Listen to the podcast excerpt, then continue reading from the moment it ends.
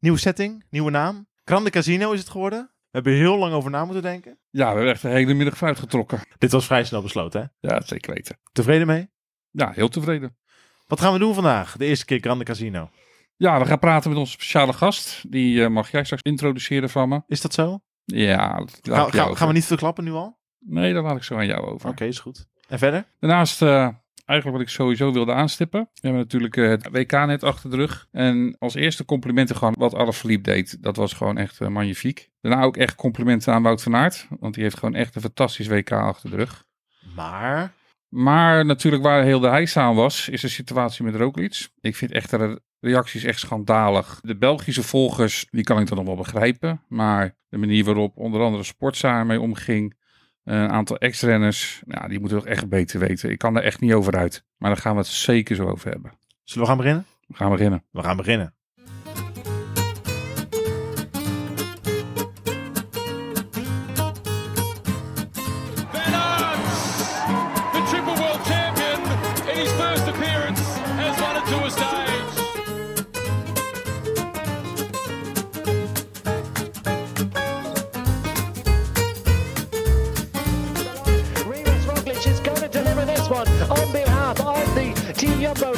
Squad. All too easy at the end. What a show of strength.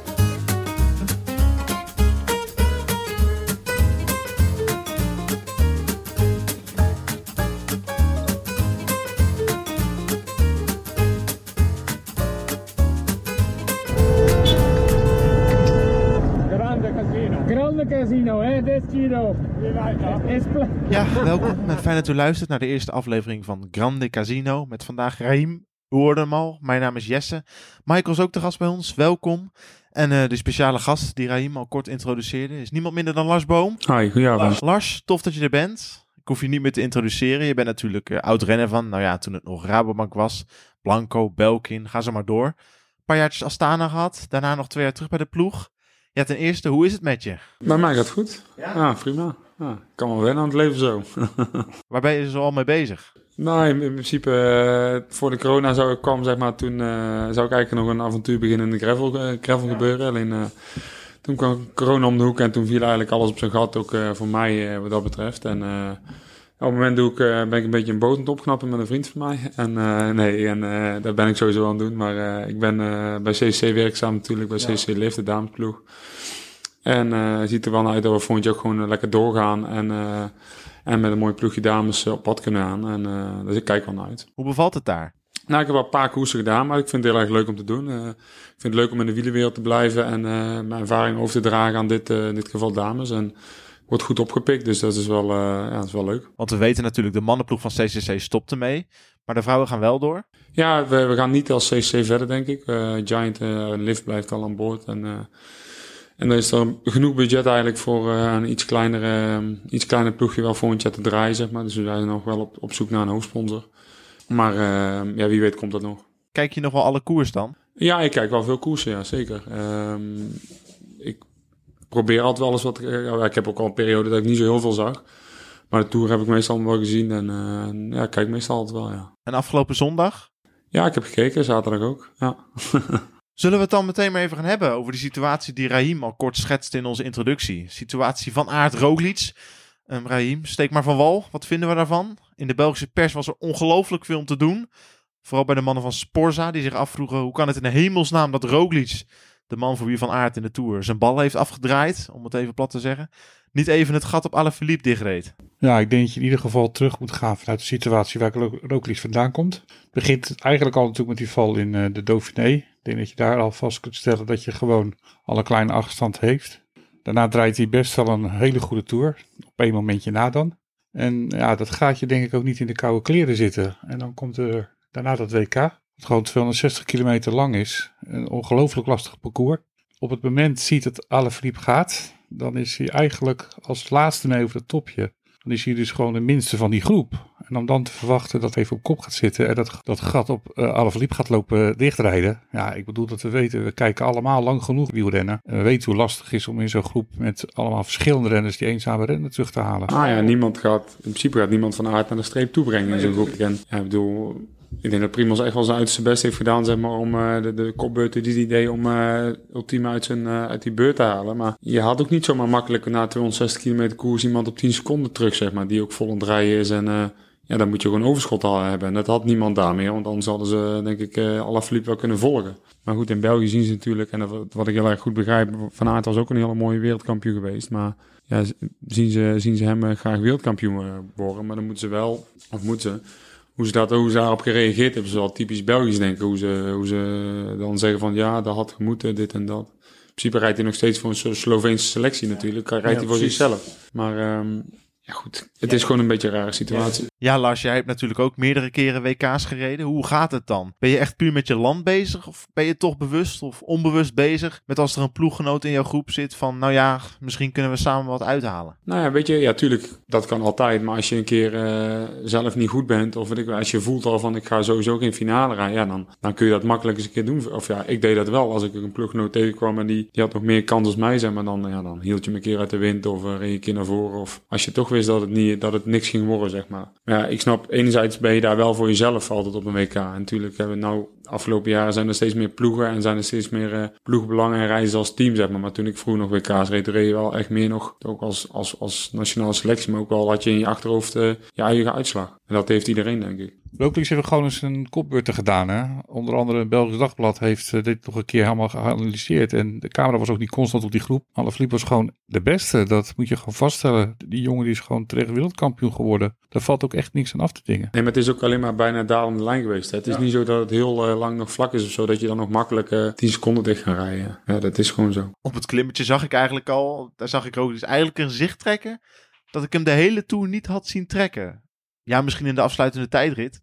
Maar ja, Michael, had jij toen ook wel zoiets? Die gaat weinig meer voor Wout kunnen betekenen? Ja, ik denk dat hij. En ik denk dat Wout het ook heeft aangegeven dat, als, dat hij gewoon ook inderdaad op zijn limiet zat. Ja wat, ja, wat moet hij dan inderdaad verder nog doen? Heeft Wout van Aert, of hebben de Belgen eigenlijk misschien nog beter gezegd, uh, eigenlijk een fout gemaakt? Of was Alaphilippe simpelweg te sterk? Nee, ik denk op zo'n klimmetje zijn er dit, deze, dit peloton niet heel veel renners die sterker zijn dan Alaphilippe op zo'n klimmetje. Dus dan, uh, ik bedoel, daar kun je niet heel veel meer aan doen, denk ik. Nou ja, ik denk dat de Belgen het op zich goed gedaan hebben. Ze hebben eerst lekker de Fransen het laten opknappen, die ronde ervoor. Toen zaten ze geloof ik nog met, met drie Fransen en daarna zeven Belgen achter. Dus ja, op dat punt hebben de Belgen gewoon het op zich niet zoveel fout gedaan. Maar je moet wel de man hebben en nog de macht. Op dat moment is het gewoon ieder voor zich of zo'n klimmetje. Het is zo'n stijl ding. Ja.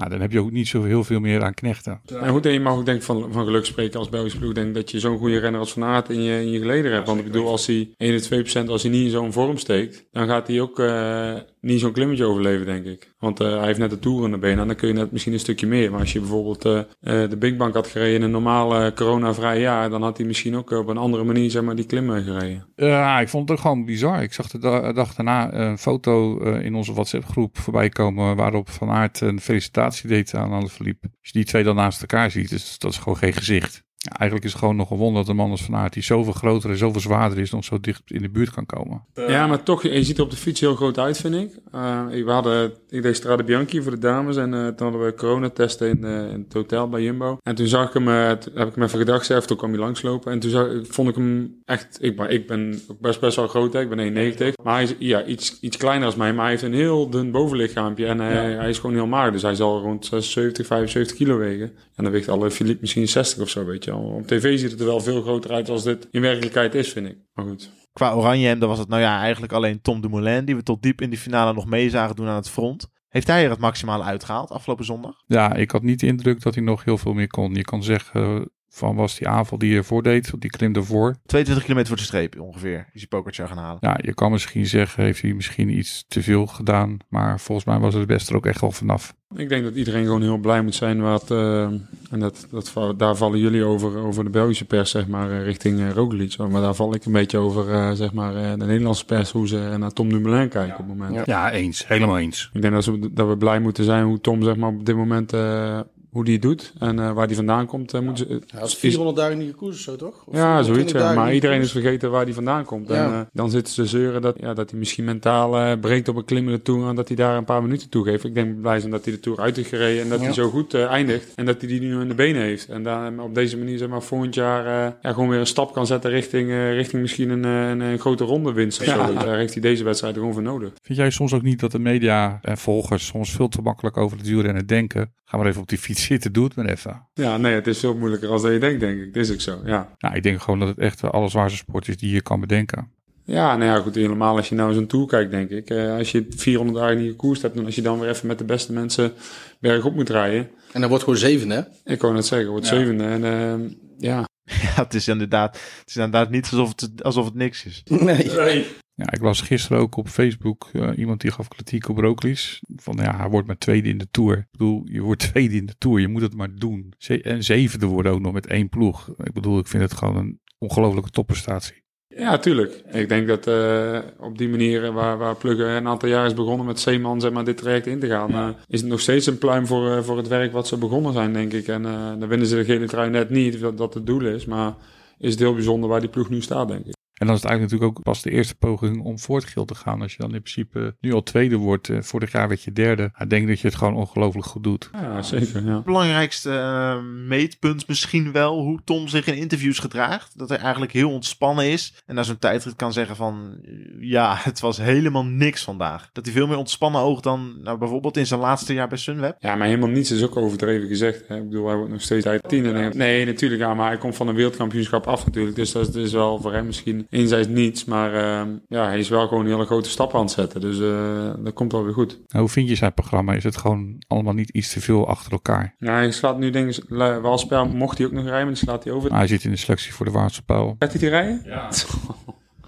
ja, en dat ik hoorde hem zeggen op het, op het WK zondag van... eh Grisha zei van... eh, ja, als je wilde mag je, mag je rijden. Maar ja, ik sta er eigenlijk van te kijken van... eh, ik bedoel, hij heeft drie dagen gehad tot en met één WK tijd rijden. Of vier dagen. Dan twee dagen tussen. Dan, ja. Want nu gaat hij wel spel rijden. Dan Luik waarschijnlijk. Ja. Amsterdam Gold Als Race. hij doorgaat. En dan de week daarna is de Vuelta of zo. Die rijdt, rijdt hij niet. Ja, dat is nu nog afwachten wat hij dus nu gaat doen. Hij zou wel naar de veld gaan, toch? Dat heeft hij gezegd. Ja. Hij had ook gezegd Ja. dat hij niet naar de Welse Pijl zou gaan. Dus Ja. op dit moment is het een beetje nog afwachten. Ik heb gisteren geprobeerd een beetje bij de ploeg eh, eruit te trekken wat, wat, wat aan de volgende eh, selecties waren. Maar ja, ze houden echt een kaak en een stijf op elkaar. en een goed recht. Ehm, ik heb wel zo het vermoeden, ik bedoel, ze hebben- ze stellen ook maar zes man op in de Welse in plaats van zeven. Dat wordt weer een boete. Dus dat wordt sowieso een boete. Ehm, ik heb ook niet het idee dat hij morgen dat hij de Waalse helemaal gaat uitrijden. Nou ja, misschien wil hij gewoon een, eh, een goede training hebben richting, Ja. eh, ja, richting, Lu- of richting Luik. Dat zou Eh, natuurlijk ook kunnen. ploegrace denk ik dat dat vooral is waar de ploeg zich ook het meest op gaat richten. Als je ook ziet in de voorbeschouwing die de ploeg nu geschreven heeft op, op internet. Ja, schuiven ze geloof ik Hofstede en, eh en ja, schuiven ze naar voren als de kandidaat om, eh, Wel spel. voor de Waalse Pijl. dus ja, ik denk ook gewoon dat ze het, en ook volgens mij zelfs voor Luik. Dus ik heb zo het idee dat ze dat, die, die twee koers op dit moment gewoon niet oog eh, hebben zitten als... eh, Niet zo serieus nemen, ja. Nee, dat ze zich meer gaan richten... Maar Tom rijdt Luik, eh, rijdt Luik toch ook? Dat is voor hem toch ook wel een redelijk belangrijk eh, dingetje volgens mij. Die heeft een paar jaar overgeslagen in verband met de Giro, toch? Ja, dat klopt, ja. Maar, Dat hij ja. die Nico rijden in verband met... Nou, hij heeft hem al wel een paar keer gereden. Dat hij net terugkwam van de stage en al wel goed was, maar nog Ja. niet helemaal top. Maar Roglic gaat daar ook rijden Ja, natuurlijk. die Ja, rijdt ook Luik. ja oké. ja.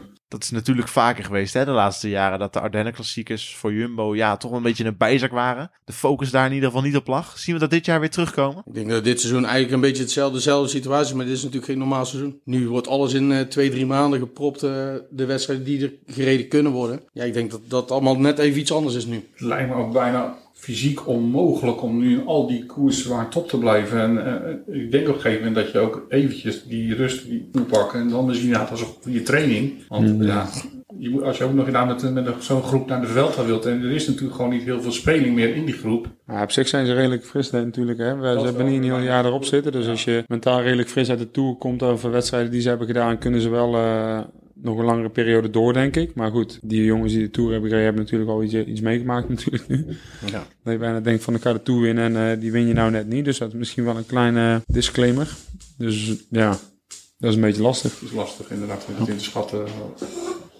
Jij hebt natuurlijk Lars in die twee jaar dat je terugkwam bij de ploeg. De Waalse Pijl in 2018 gereden uit mijn hoofd. Eh, Amsterdam Gold is in 2017. Toen zat je in de kopgroep. In Amsterdam Gold Race? Ja. Dat kan wel, ja, weet ik niet. Nou, Waalspel heb ik gereden, toen kwam ik net terug van mijn hartoperatie. Dat was denk ik de eerste wedstrijd die ik toen eh, reed. In hoeverre vind jij het een terechte keuze dat de ploeg nu al een paar jaar zegt van... Nou ja, die Ardennen klassiekers, laat dan maar even. Dat is geen focuspunt voor ons. Nou ja, goed, je zit, je zit altijd met het probleem natuurlijk dat je net de Vlaamse klassiekers hebt gehad en dan met een groep richting de Giro aan het werken bent. En, eh, en ja, je weet gewoon, als je niet op hoogstage gaat, dan draai je bijna niet mee, weet je wel. Dus eh, dan moet je die weken moet je op, op een berg zitten ergens. Ja, dat is de keuze die ze afgelopen jaar hebben gemaakt. En enerzijds begrijp ik het wel, want ik bedoel, er is voor een ploeg en een sponsor is er meer te halen in een grote ronde als een, eh, als een eendagswedstrijd. Nou, vind je ook niet de Amsterdam Gold Race dan? Als enige Nederlandse World Tour? Ja, vroeger met Rabobank was dat altijd een eh, dingetje Ja. en was dat altijd heel erg belangrijk. Maar toen hadden ze het nog niet zo op de Giro. Maar nu natuurlijk wel. Maar ja, ik denk niet dat eh Jumbo daar heel veel eh, waarde aan hecht op zich. En je bent nooit meer als enigszins of als kopman of als beschermde ren uitgespeeld. Hè? Na het WK in 2012 in Valkenburg. Daar werd je vijfde. Ja, Toen had ik zoiets van, hoe oud was ik toen? 15. Maar ik had zoiets van het jaar daarna bij Blanco van... waarom rijdt Lars Boom op 95 kilometer van de finish op kop? Die kan toch meedoen om een top 10 plek? Heb je zelf ook niet meer de ambitie gehad? eh, laat ik mij hier mijn prestatie van het WK herhalen. nee, want de WK was een heel andere wedstrijd als, eh als de Amsterdam Gold Race. Amsterdam Gold Race was, is voor mij de finale, gewoon meestal net iets te zwaar als je vanaf IJzeren Bos of weet het, Kluisberg, heet dat ding daar? Kluisberg dan IJzeren Bos en dan... eh nee, de Vromberg, eh, de WK is gewoon een hele andere koers. Daar wordt heel anders gekoerd, zeg maar. En ehm, ja, is ook een andere periode in dit jaar. Ik kwam net uit de Vuelta, veel berg opgereden. Ja, dat scheelt heel veel. En eh, dat- toen had ik gewoon een heel goed jaar. En als je kijkt, als ik, mijn hoofddoel in, in, het, in het Vlaamse voorjaar was altijd de Parijs-Roubaix natuurlijk. En als je daar, eh, als je daar goed rijdt of ja, daar, dat, daar heb je gehad, dan valt gewoon heel veel stress en heel veel eh, dingen van, vallen van je af. Dus dan, natuurlijk ben je nog wel gemotiveerd, maar dat is op een heel andere manier ga je dan die wedstrijd in. En soms ben je ook nog gewoon niet, niet helemaal hersteld van al die kasseien in je spieren, zeg maar. Kouwberg is minder zwaar. Ja. Dat is waar. Ja, laten we het gaan hebben over Luik, Bastenaken, Luik. De traditionele afsluiter van het Ardennen drieluik. Roglic gaat daar zijn debuut maken. In hoeverre is hij meteen een van de kanshebbers? Of moeten we hem dat echt nog niet toeschrijven? Ja, het ligt natuurlijk echt wel aan hoe hoe fris hij op dat moment weer is of nog is. Ik vind het wel echt een koers voor hem. Is, eh, ik denk wel zeker op Lara doet, dat moet echt wel een, dat echt ook echt zo'n klimmetje waar hij gewoon eh, goed uit de, uit de voeten zou moeten kunnen. Ik denk van alle renners die ze hebben in de selectie, dat het een koers is die, hem, die, die, die bij deze renner het beste past. Maar ja, de vraag is inderdaad gewoon, eh, ja, hoe goed gaat hij zijn? Want maar als hij, als hij zijn vorm heeft, ja, dan zit hij voor mij bij de topkandidaten. Ja, ik denk dat hij er gewoon heel ontspannen nu in zit, zeg maar. Eh, ik bedoel, hij heeft, natuurlijk heeft hij de Tour niet gewonnen, maar hij heeft wel een heel groot doel behaald om op het podium te staan, denk ik, en daar te staan waar hij moest staan. En eh, zoals ik Primos nu ken, en dan is hij heel ontspannen nu en, eh, en zal hij echt wel weer de rust hebben gevonden, zeg maar, om, om daar weer goed te presteren, denk ik. Jij denkt, jij denkt niet dat hij nog nu nog steeds in zak en as zit van die verloren toerzegen? Natuurlijk zal, zal het altijd blijven knagen, maar ik denk wel dat hij nu s'avonds eh, een keer een biertje pakt en eh, lekker van het leven geniet en eh, van zijn vrouw en kindje, zeg maar. Dus daar ben ik niet zo bang voor. Daar is hij nuchter genoeg voor en, ja, is, het- is een toffe gast voor om dat gewoon te doen, zeg maar. Uiteindelijk is het tourpodium natuurlijk niets om je voor te schamen.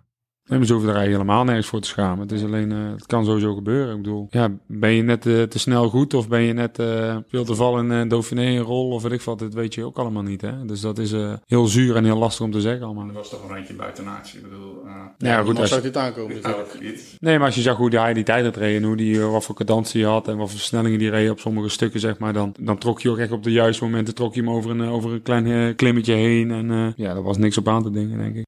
Eigenlijk ook bizar. Ik, ik heb daar Twitter heel erg over in de gaten gehouden. Al die meningen van mensen. We kunnen eigenlijk stellen dat hij twee keer in één week tijd finaal op sociale media is afgemaakt. Omdat hij simpelweg de benen niet had. Eerst voor een zogenaamd verprutste tijdrit. Terwijl je kijkt hoeveel seconden rijdt hij daar achter Dumoulin van Aert. 20 seconden? Klein half minuutje? Nou ja, is niks om je voor te schamen lijkt me. En een week daarna zit hij echt op hangen en wurgen bij het achtervolgende groepje. Hoe kan het nou dat zo'n jongen in een week tijd al die hoon over zich heen krijgt?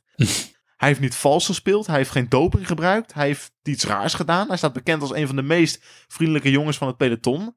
Überhaupt dat je net na een tijdrit die Pogacar wint, waarin je de Tour verliest op de ene laatste dag, dus je dan meteen hem kan omhelzen.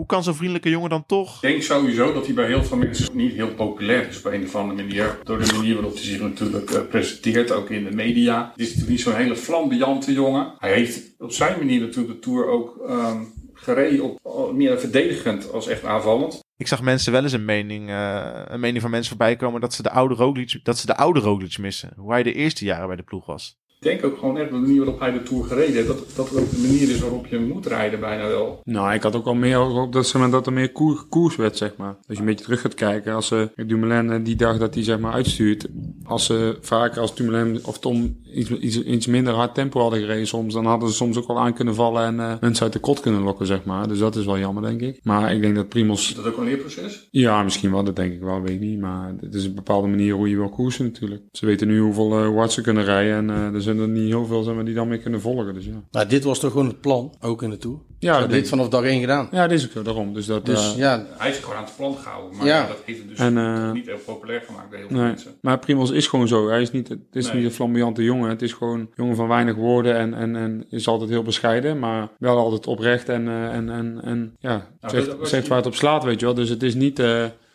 dat hij zijn eigen anders voordoet in de media of dat hij, dat hij, dat hij is, zeg maar. Dus dat, eh, Dat ook als je hoort, oh, de mensen binnen de groepen mensen die hem goed kennen, Ja. is het gewoon dat het een hele aardige, een, een goede ploeggenoot is. eh, Ja, ja, zeker. Een goede Ja. kopman, Gul als kopman. ja. Dus, ehm, ja, ik heb ook nog een, klo- een klokje van hem liggen van een of andere wedstrijd. Ik weet niet welke koers het was. Een ronde van Portugal, denk ik. Die wonnen we in 2017 of 18, denk ik. Oude Algarve. Ja, ja. Je hoort het inderdaad echt van bijna al zijn ploeggenoten wel. Dat het echt een hele fijne jongen is om je, om je ballen voor af te draaien. Ja, zeker. Ja, toen heb ik hem eh, veel uit de wind gehouden. En eh, heeft toen ook al veel van me geleerd, denk ik, hoop ik. Maar eh, nee, maar dat is leuk, weet je wel. En Dat is bijzonder. En eh, ja, het is gewoon een hele toffe gast. Want je denkt er verder niet, ik bedoel, er wordt nu heel veel gezegd, van, ja, weet je, Wout moet niet meer rijden voor Roglic. Je denkt dat in ieder geval sowieso geen problemen zijn. binnen- Intern is helemaal niks aan de hand. Alleen eh, in België worden ze helemaal gek. Ja, het is, ja. Ja. ja, dat is enerzijds te begrijpen. Want Wout is gewoon voor hun eh, te- wat Mathieu van der Poel in Nederland is, zeg maar. En dan misschien nog, eh, nog erger. En op de Belgische manier dan... eh, het ja. leeft daar denk ik nog wel meer als hier. Hè? Ja, het leeft, fietsen leeft daar natuurlijk. Is Ja. gewoon volksspurt nummer 1. Ja. Dus dan, ja, dan, is er, ja, dan is het normaal dat ze zo, zo reageren misschien. Maar voor, ja, voor, ons is de, voor ons Nederlanders is het een beetje raar. ja. Uiteindelijk, Raheem, hebben wij hem wel de eer gegeven die hij waarschijnlijk gewoon verdient. Want we hebben de podcast naar hem vernoemd. Wat zullen we even uitleggen? Waar komt Grande Casino vandaan? Nou, iedereen die vorig jaar de Giro gevolgd heeft, heeft gezien dat Roglic viel in het peloton. En hij daarna bij de ploegauto kwam en eh, ja, zijn broek had gescheurd. En dat had hij een eh, klein gesprekje met zijn eh, ploegleiders. You think I need to cover this with a medical or not? Juist. En nou, toen zei hij de legendarische woorden Grande Casino. Tegen Jan Boven en Adi Engels destijds. Nou, deze uitspraak is eh tuurlijk blijven hangen bij ons. En eh, wij moesten gaan nadenken over een nieuwe naam voor de podcast. Ja, en toen we eenmaal deze hadden, stond deze meteen gewoon bovenaan ons lijstje. En eh, ja, uiteindelijk hebben we hiervoor gekozen. Dat is een goeie toch? Die zegt hij wel vaker ook, Grande Casino. Dus dat is wel leuk. Nou, als Lars het ermee eens is, zie ik bijna geen reden meer om nog verder aan te twijfelen. Zullen we het parcours van de Giro maar gaan doornemen? Want we hebben het er nu toch over. Eh, we zien meteen de openingstijdrit. Lars, toen, die, eh, toen jij die zojuist zag, toen zat jij... Ja, was al een, een proloogje van mij, denk ik. Ja? Ja, klimmetje van een kilometer, eh, 1,3 denk ik. En dan eh kilometer of 900 eh 7, 8 naar beneden. Ja, dat is best leuk. Als het een beetje technische afdaling is. eh. Jij hield vanaf de technische aan- afdalingen? Nou ja, ik hield altijd, als ik een proloog had die me lag, zeg maar, dan, eh, dan eh, viel ik hem ook eh, volle bak aan. En dan eh, pakte ik, probeerde ik iedere bocht eh, volle bak risico te nemen om eh, daar eh, tijd te winnen. Dus op zich ziet het er wel leuk uit. En daar aan de lijn en dan eh, een beetje een klein knikje op de laatste twee kilometer, denk ik. Zou En dan, een eh, beetje voor Van Ende zijn? ja, dat kan. Dat hoeft niet per se. In hoeverre is dit een lastige openingstijdrit voor, voor de favorieten? Want, want ja, je kan niet alle risico's nemen, maar je moet je ook niet inhouden. Ja, het is lastig denk ik. Als je, als je wil winnen, dan, eh, dan, dan pak je risico's. Maar als je niet, ja, als je niet wil vallen, ja, dan, is, dan kan het best gevaarlijk zijn, ja. We scrollen even door naar de derde etappe. Raheem, meteen een pittige klim op het einde. Ja, we gaan eh, richting Dertna. Die eh, hebben we natuurlijk in het verleden al een paar keer gereden. Die editie die Tom won, toen gebeurde er niks. Hè? Dus stond er ook felle wind tegen. Ja, dat is hem. Als de wind daar tegen staat, dan gaat er gewoon weinig gebeuren. Dan blijft de groep met favorieten voor een groot gedeelte gewoon bij elkaar. En zullen de aanvallen pas echt in de laatste kilometers komen. Nou, het is er eh, gewoon heel lastig. Het is er heel open. En het is gewoon sowieso een hele lastige klim. Maar eh, ja, zeker die laatste paar kilometers. Bijna 10%. Ja, die is gewoon heel pittig. Verder weet je hoe dat de aanloop ertoe heel lastig is. Ehm, we hebben toen een valpartij gezien eh, van wat ploeggenoten van, van Steven.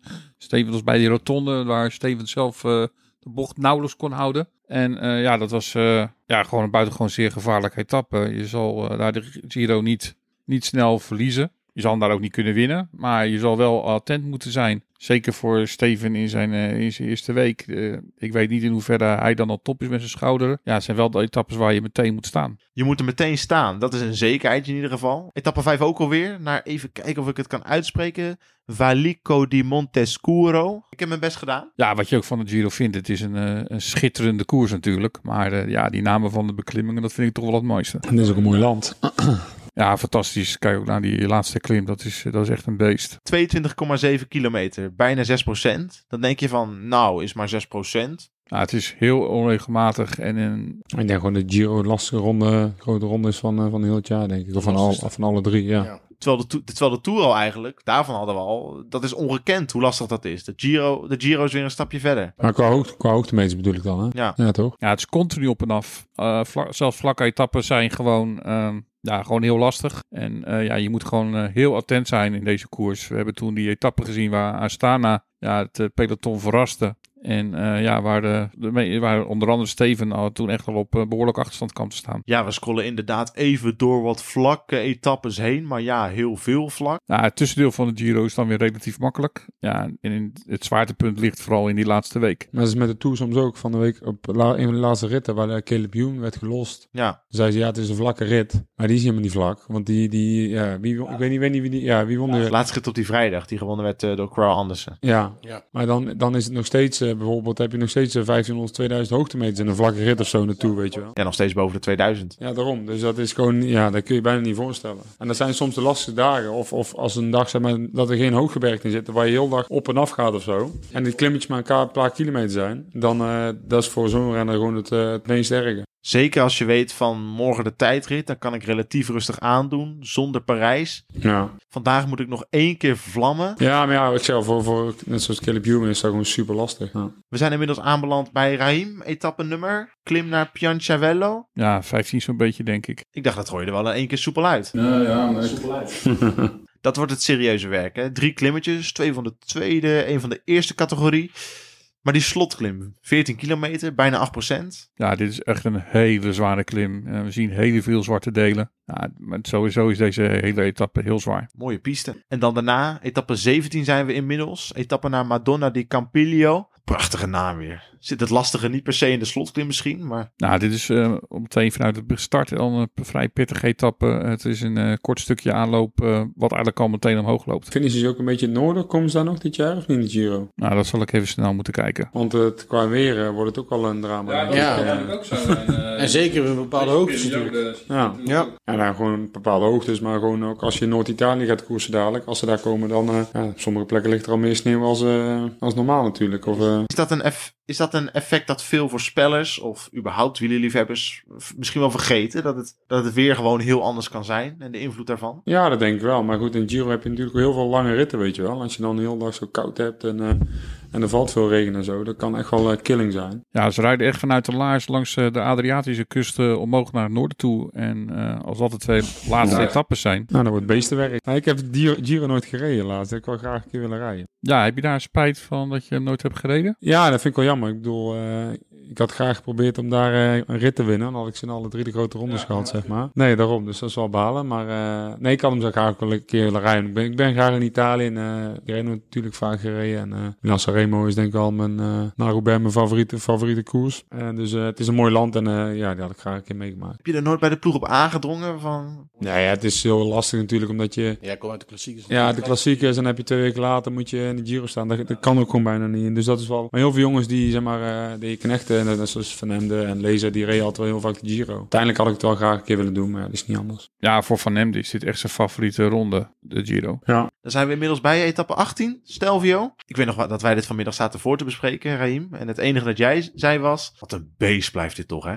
Ja, nu helemaal natuurlijk. Ik uh, had er al helemaal nog niet bij stilgestaan bij wat voor weer je gaat krijgen daar. Maar ik ja. zie al helemaal weer die etappe vormen met uh, Erik Breukink. Ja, dat uh, ja, echt een beest van de klim gaat het worden. Hoe hoog is die? 2700 meter? Bijna 2800? 24,3 kilometer, 7,5 procent. Nou, ik vind het zelf de mooiste die er is. Ja. Uh, Ik denk dat het voor heel veel mensen geldt dat dit eh, gewoon een van de mooiste beklimmingen is in een grote ronde. Hij is gewoon zo lang. Gewoon dik, dik een uur aan het klimmen, denk ik. Ja, absoluut. Ja, ik hoop dat het weer goed genoeg gaat zijn dat ze hem in ieder geval niet gaan annuleren. Eh, Dat wil je gewoon niet. Dit wil je gewoon zien. Deze etappe wordt gewoon echt waanzinnig. Die vrij houden in de, in, de, in de agenda dus maar. Dan krijgen we er nog eentje naar hè, bergetappe dan. Col d'Aniel, Col d'Isoire, Mont Genèvre, mooie Franse namen. Ja, nou, ik denk dat het nog best wel een zware etappe is. Ik bedoel, het zijn nog vier behoorlijke beklimmingen. En dan eh, is de klim naar Sestière zelfs nog niet eens de zwaarste. Is hij niet gewoon in Frankrijk? Ja, ze rijden door Frankrijk heen. Ja, Sestière is niet de allerzwaarste, maar als je een paar van die flinke calls achter je kiezen hebt, ja, dan. buiten categorie. Ja. Ja. ja. Het zijn prachtige etappes daar. Ik eh, hoop dat het echt het weer mee zit, want het is echt genieten. Maar qua deelnemersveld vind ik het dan wel weer jammer. Jammer, maar in hoeverre biedt dit kansen voor Steven Kruiswijk? Hoe groot zijn zijn kansen in de Giro? Een zware derde week natuurlijk, dat is in zijn voordeel. Ja, het parcours is wel absoluut in zijn voordeel. Want ik denk ook dat de tijdritten zeker niet nadelig voor hem hoeven te zijn. Als Steven echt goed is, dan kan hij ook een hele goede tijdrit afleveren. En er drie, toch? Ja, het zijn er drie. ja? Drie tijdritten, ja. De laatste tij- eh, etappe is een tijdrit. eh, ergens in het midden zit een tijdrit. En natuurlijk beginnen ze ook met een tijdrit. Nou, de laatste is 15,7, de proloog is 15. Ja, en tussenin zit er nog één van 34. Ja, het zijn behoorlijk wat tijdritkilometers. Qua parcours is het absoluut niet het nadeel van Steven. Als je kijkt naar de kopman die rijden, zit er ook niet echt een één renner bij. Ja, Thomas is dan natuurlijk echt wel een specialist op de tijdrit. Was in ieder geval heel goed op het WK ook, hè? Ja, je zag wel dat hij in vorm begon te raken. Had hij nog geen wattagemeter ook. Nee.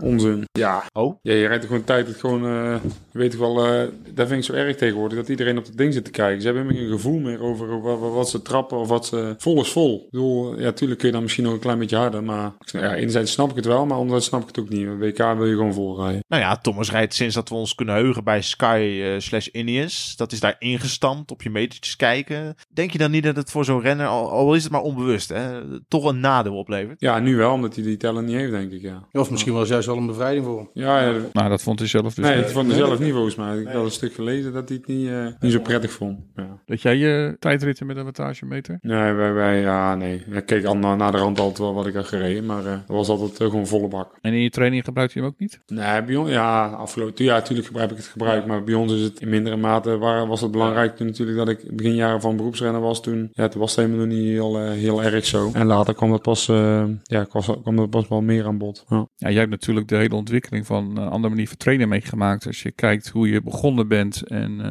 zeker nu bij, bij een ploeg als Ineos of Jumbo gaat. Ja. Vind je dat dan een positieve ontwikkeling of eigenlijk toch jammer? Nou, ik, ik, nou, het is heel positief, denk ik. Maar ik, wat ik net al zeg, het is wel belangrijk zeg maar, dat mensen gevoel op de fiets eh, blijven houden. En het gevoel met het lichaam, zeg maar. Niet alleen maar naar het telletje en de hartslag kijken. Want ja, die dingen liegen ook soms over hoe je je eigen voelt. Ja, dat is soms ook wel het gevaar, denk. Dat je niet toe kan geven dat je moe bent. Of dat je, dat je automatisch gewoon te veel doet. Nou, ook die ontwikkeling van die hele jonge gasten in het peloton, die weinig ervaring op de fiets opdoen, maakt dat het technisch wat onveiliger. Nou, ik denk dat ze die eh, ervaring kunnen ze ook al in het profpeloton opdoen. Dat maakt niet zo heel veel uit. Ik denk, ik denk dat die jonge gasten gewoon, het is mooi om te zien, denk ik. Want ze hebben gewoon, eh, ja, ze herstellen snel, waardoor het ook gewoon weer harder gaat. En ze kunnen, denk ik, gewoon eh, net wat harder rijden. Als ik soms denk van, was ik maar beroepsrenner geworden toen ik 20 was, zeg maar. Ja, dat was ik ook wel, maar zeg maar eigenlijk bij de profs. Was misschien nog wel leuk geweest. Maar enerzijds ook niet, want nu werd ik, ging pas in 2009 bij de, bij de, bij de profploeg rijden. En heb ik gelukkig een, een hele mindere periode in het wielrennen niet meegemaakt, zeg maar. Dus wat dat betreft ben ik daar, daar, daar wel blij om. Jij hebt natuurlijk, eh, als ons huiswerk klopt, twee grote rondes met,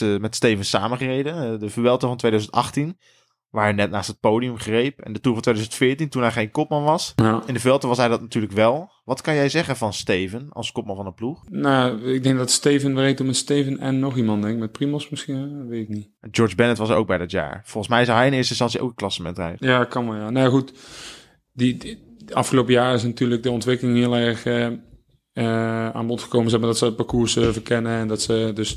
Volgens mij reden we de, toen, deden we de Vuelta toen met Grisha Niemann. En ik, die is eigenlijk wel heel erg goed ontwikkeld. Zijn eigen, heeft zijn eigen goed ontwikkeld de afgelopen jaar. En was een hele fijne ploegleider om mee te werken. Dus die had het altijd wel eh, ja, goed voor elkaar. En, eh, en Steven is in de bus is altijd een rustige jongen. En, en, eh, en weet wat hij moet doen. En als het moet is, dan zegt hij waar het op staat. Dus altijd wel een prettige jongen mee, mee samen te werken in de koers. soort rustpunt ook in de ploeg. Ja, zeker. Is een rustige jongen. Ja, klopt. Hij is, niet, het is geen druk te maken, zeg maar. Het is niet, zo, niet, niet, niet zoals mij. Ik ben wat meer uitgesproken en wat drukker. En hij is gewoon een rustige jongen en, eh, en, en, doet zijn ding. En eh, weet waar, waarvoor, ja, waar, hij aan het werk is. Ja. Is er een ideale soort kopman in een grote ronde? Is dat een, is dat een Steven qua rust? Of kan je ook een ideale kopman zijn zoals jij drie weken lang? Eh, drie weken lang weet ik niet.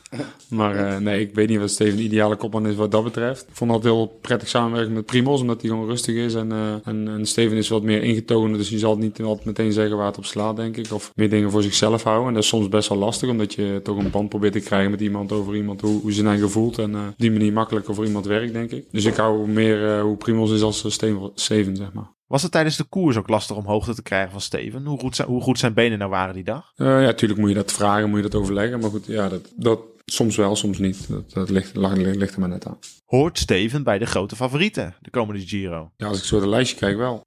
er zijn er maar, eh, ja, er zijn overal kopmannen natuurlijk, maar er zijn er maar, eh, denk ik, vijf die het podium, eh, die echt gewoon goed zijn, denk ik. Over welke vijf hebben we het dan? Thomas. Nibali. Jezus, Nibali. Nou, ik denk, En Fuglsang misschien, Ja. Denk ik. Ploeg heeft hij in ieder geval met Lopez en Vlaashoff. ja, Vogelsang in een grote ronde. Ehm, hij heeft natuurlijk wel een van de sterkste ploegen bij zich, maar het is Mhm. altijd even afwachten hoe het met hem gaat. Komt bijna altijd wel iets tegen. Ja, dat had Poort ook altijd. Die rijdt eh, ook podium toch? Dus eh, misschien dat dan. Op je fiets blijven zitten, dat is het rijste. Nou, dat is wel het belangrijkste. Ja goed, dus met, eh, met Kelderman ook weer de vraag, denk ik, in de Giro, wat er eh, gaat gebeuren. Ja, ik moet zeggen dat Sunweb ook met een hele goede ploeg komt. Het is, eh, Ja. Dus het is met Steven afwachten hoe hij gesteld is en of hij helemaal top is. Ja, dat is de vraag, hè? of hij echt helemaal 100% aan de start staat. Tour is hij langs geweest en toen zei hij dat hij nog steeds last had van een breuk in zijn schouder. Nou, dat stel- herstelt natuurlijk ook niet 1, 2, 3. En haar herstel gaat ook weer ten koste van je conditie. Ja. Ah, het is afwachten. Als hij zelf heel goed is, dan is het hopen dat die ploeg die hij meekrijgt in dit geval goed genoeg zal zijn om hem eh, te ondersteunen. Nou, ik heb Harper op zich wel goede dingen zien, zien doen dit jaar. Vos ook. Ik vond, toen, eh, ik vond Tolk op het WK wat minder. Maar ja, toen kwam hij wel natuurlijk ook van een hoogtestage af. Dus eh, ja, je weet nooit hoe iemand daarop reageert. Ja, ik hoop dat hij op die lange klimmen beter voor de dag komt dan op de WK. Ja. Ja, als de jongens allemaal goed in orde zijn, dan is het op zich best een goede ploeg. Maar het is wel, eh, vorig jaar had Roglic eigenlijk, nou ja, zonder Vos en Harper, ook een Koen Bouwman, ook een Anton Tolk bij zich. En dan moet je eerlijk zijn, de, toen viel het gewoon heel erg tegen. Ja.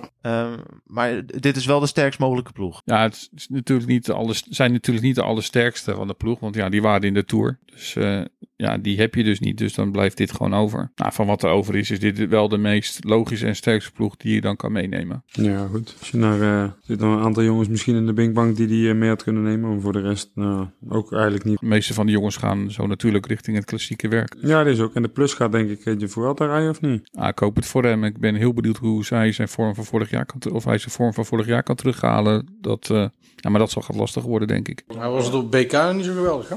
Maar dat was ook zijn eerste koers in eh hele lange tijd. Maar is hij ziek geweest? Wat heeft hij gehad? Nee, niks toch? Ja, dat is een heel groot vraagteken. Hij zou last hebben gehad hebben van zijn heup, onder andere. Waarvan hij heel lastig is, is hersteld. Oké. Ja, het is gewoon een groot vraagteken. Was het in juni dat de geruchten begonnen over dat hij zou vertrekken bij de ploeg? Ja, klopt.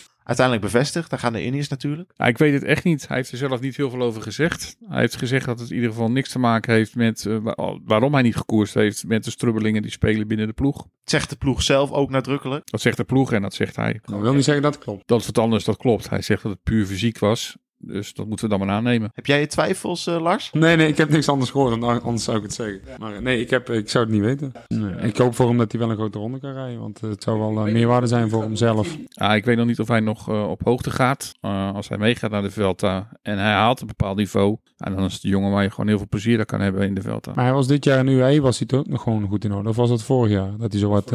oh, sorry. Vorig jaar was hij eigenlijk wel constant, behalve in de Giro. Toen was hij ziek. Laten we nog even doorgaan op de Giro. Want ik wil met jullie naar een man die daar eigenlijk eh, had moeten rijden. Eh Dylan Groenewegen. Het verhaal is bekend. Fatale crash. Nou ja, fataal. Gelukkig niet. Dat Dylan Groenewegen en Fabio Jacobs allebei niet meer koersen dit jaar. Eh, deze dinsdag naar buiten gekomen dat het hem voor Dylan eh, eh, niet meer wordt dit jaar. Hoe goed ken, je, hoe goed ken jij Dylan nog, Lars? Heb je nog wel eens contact met hem of zo? Eh jawel.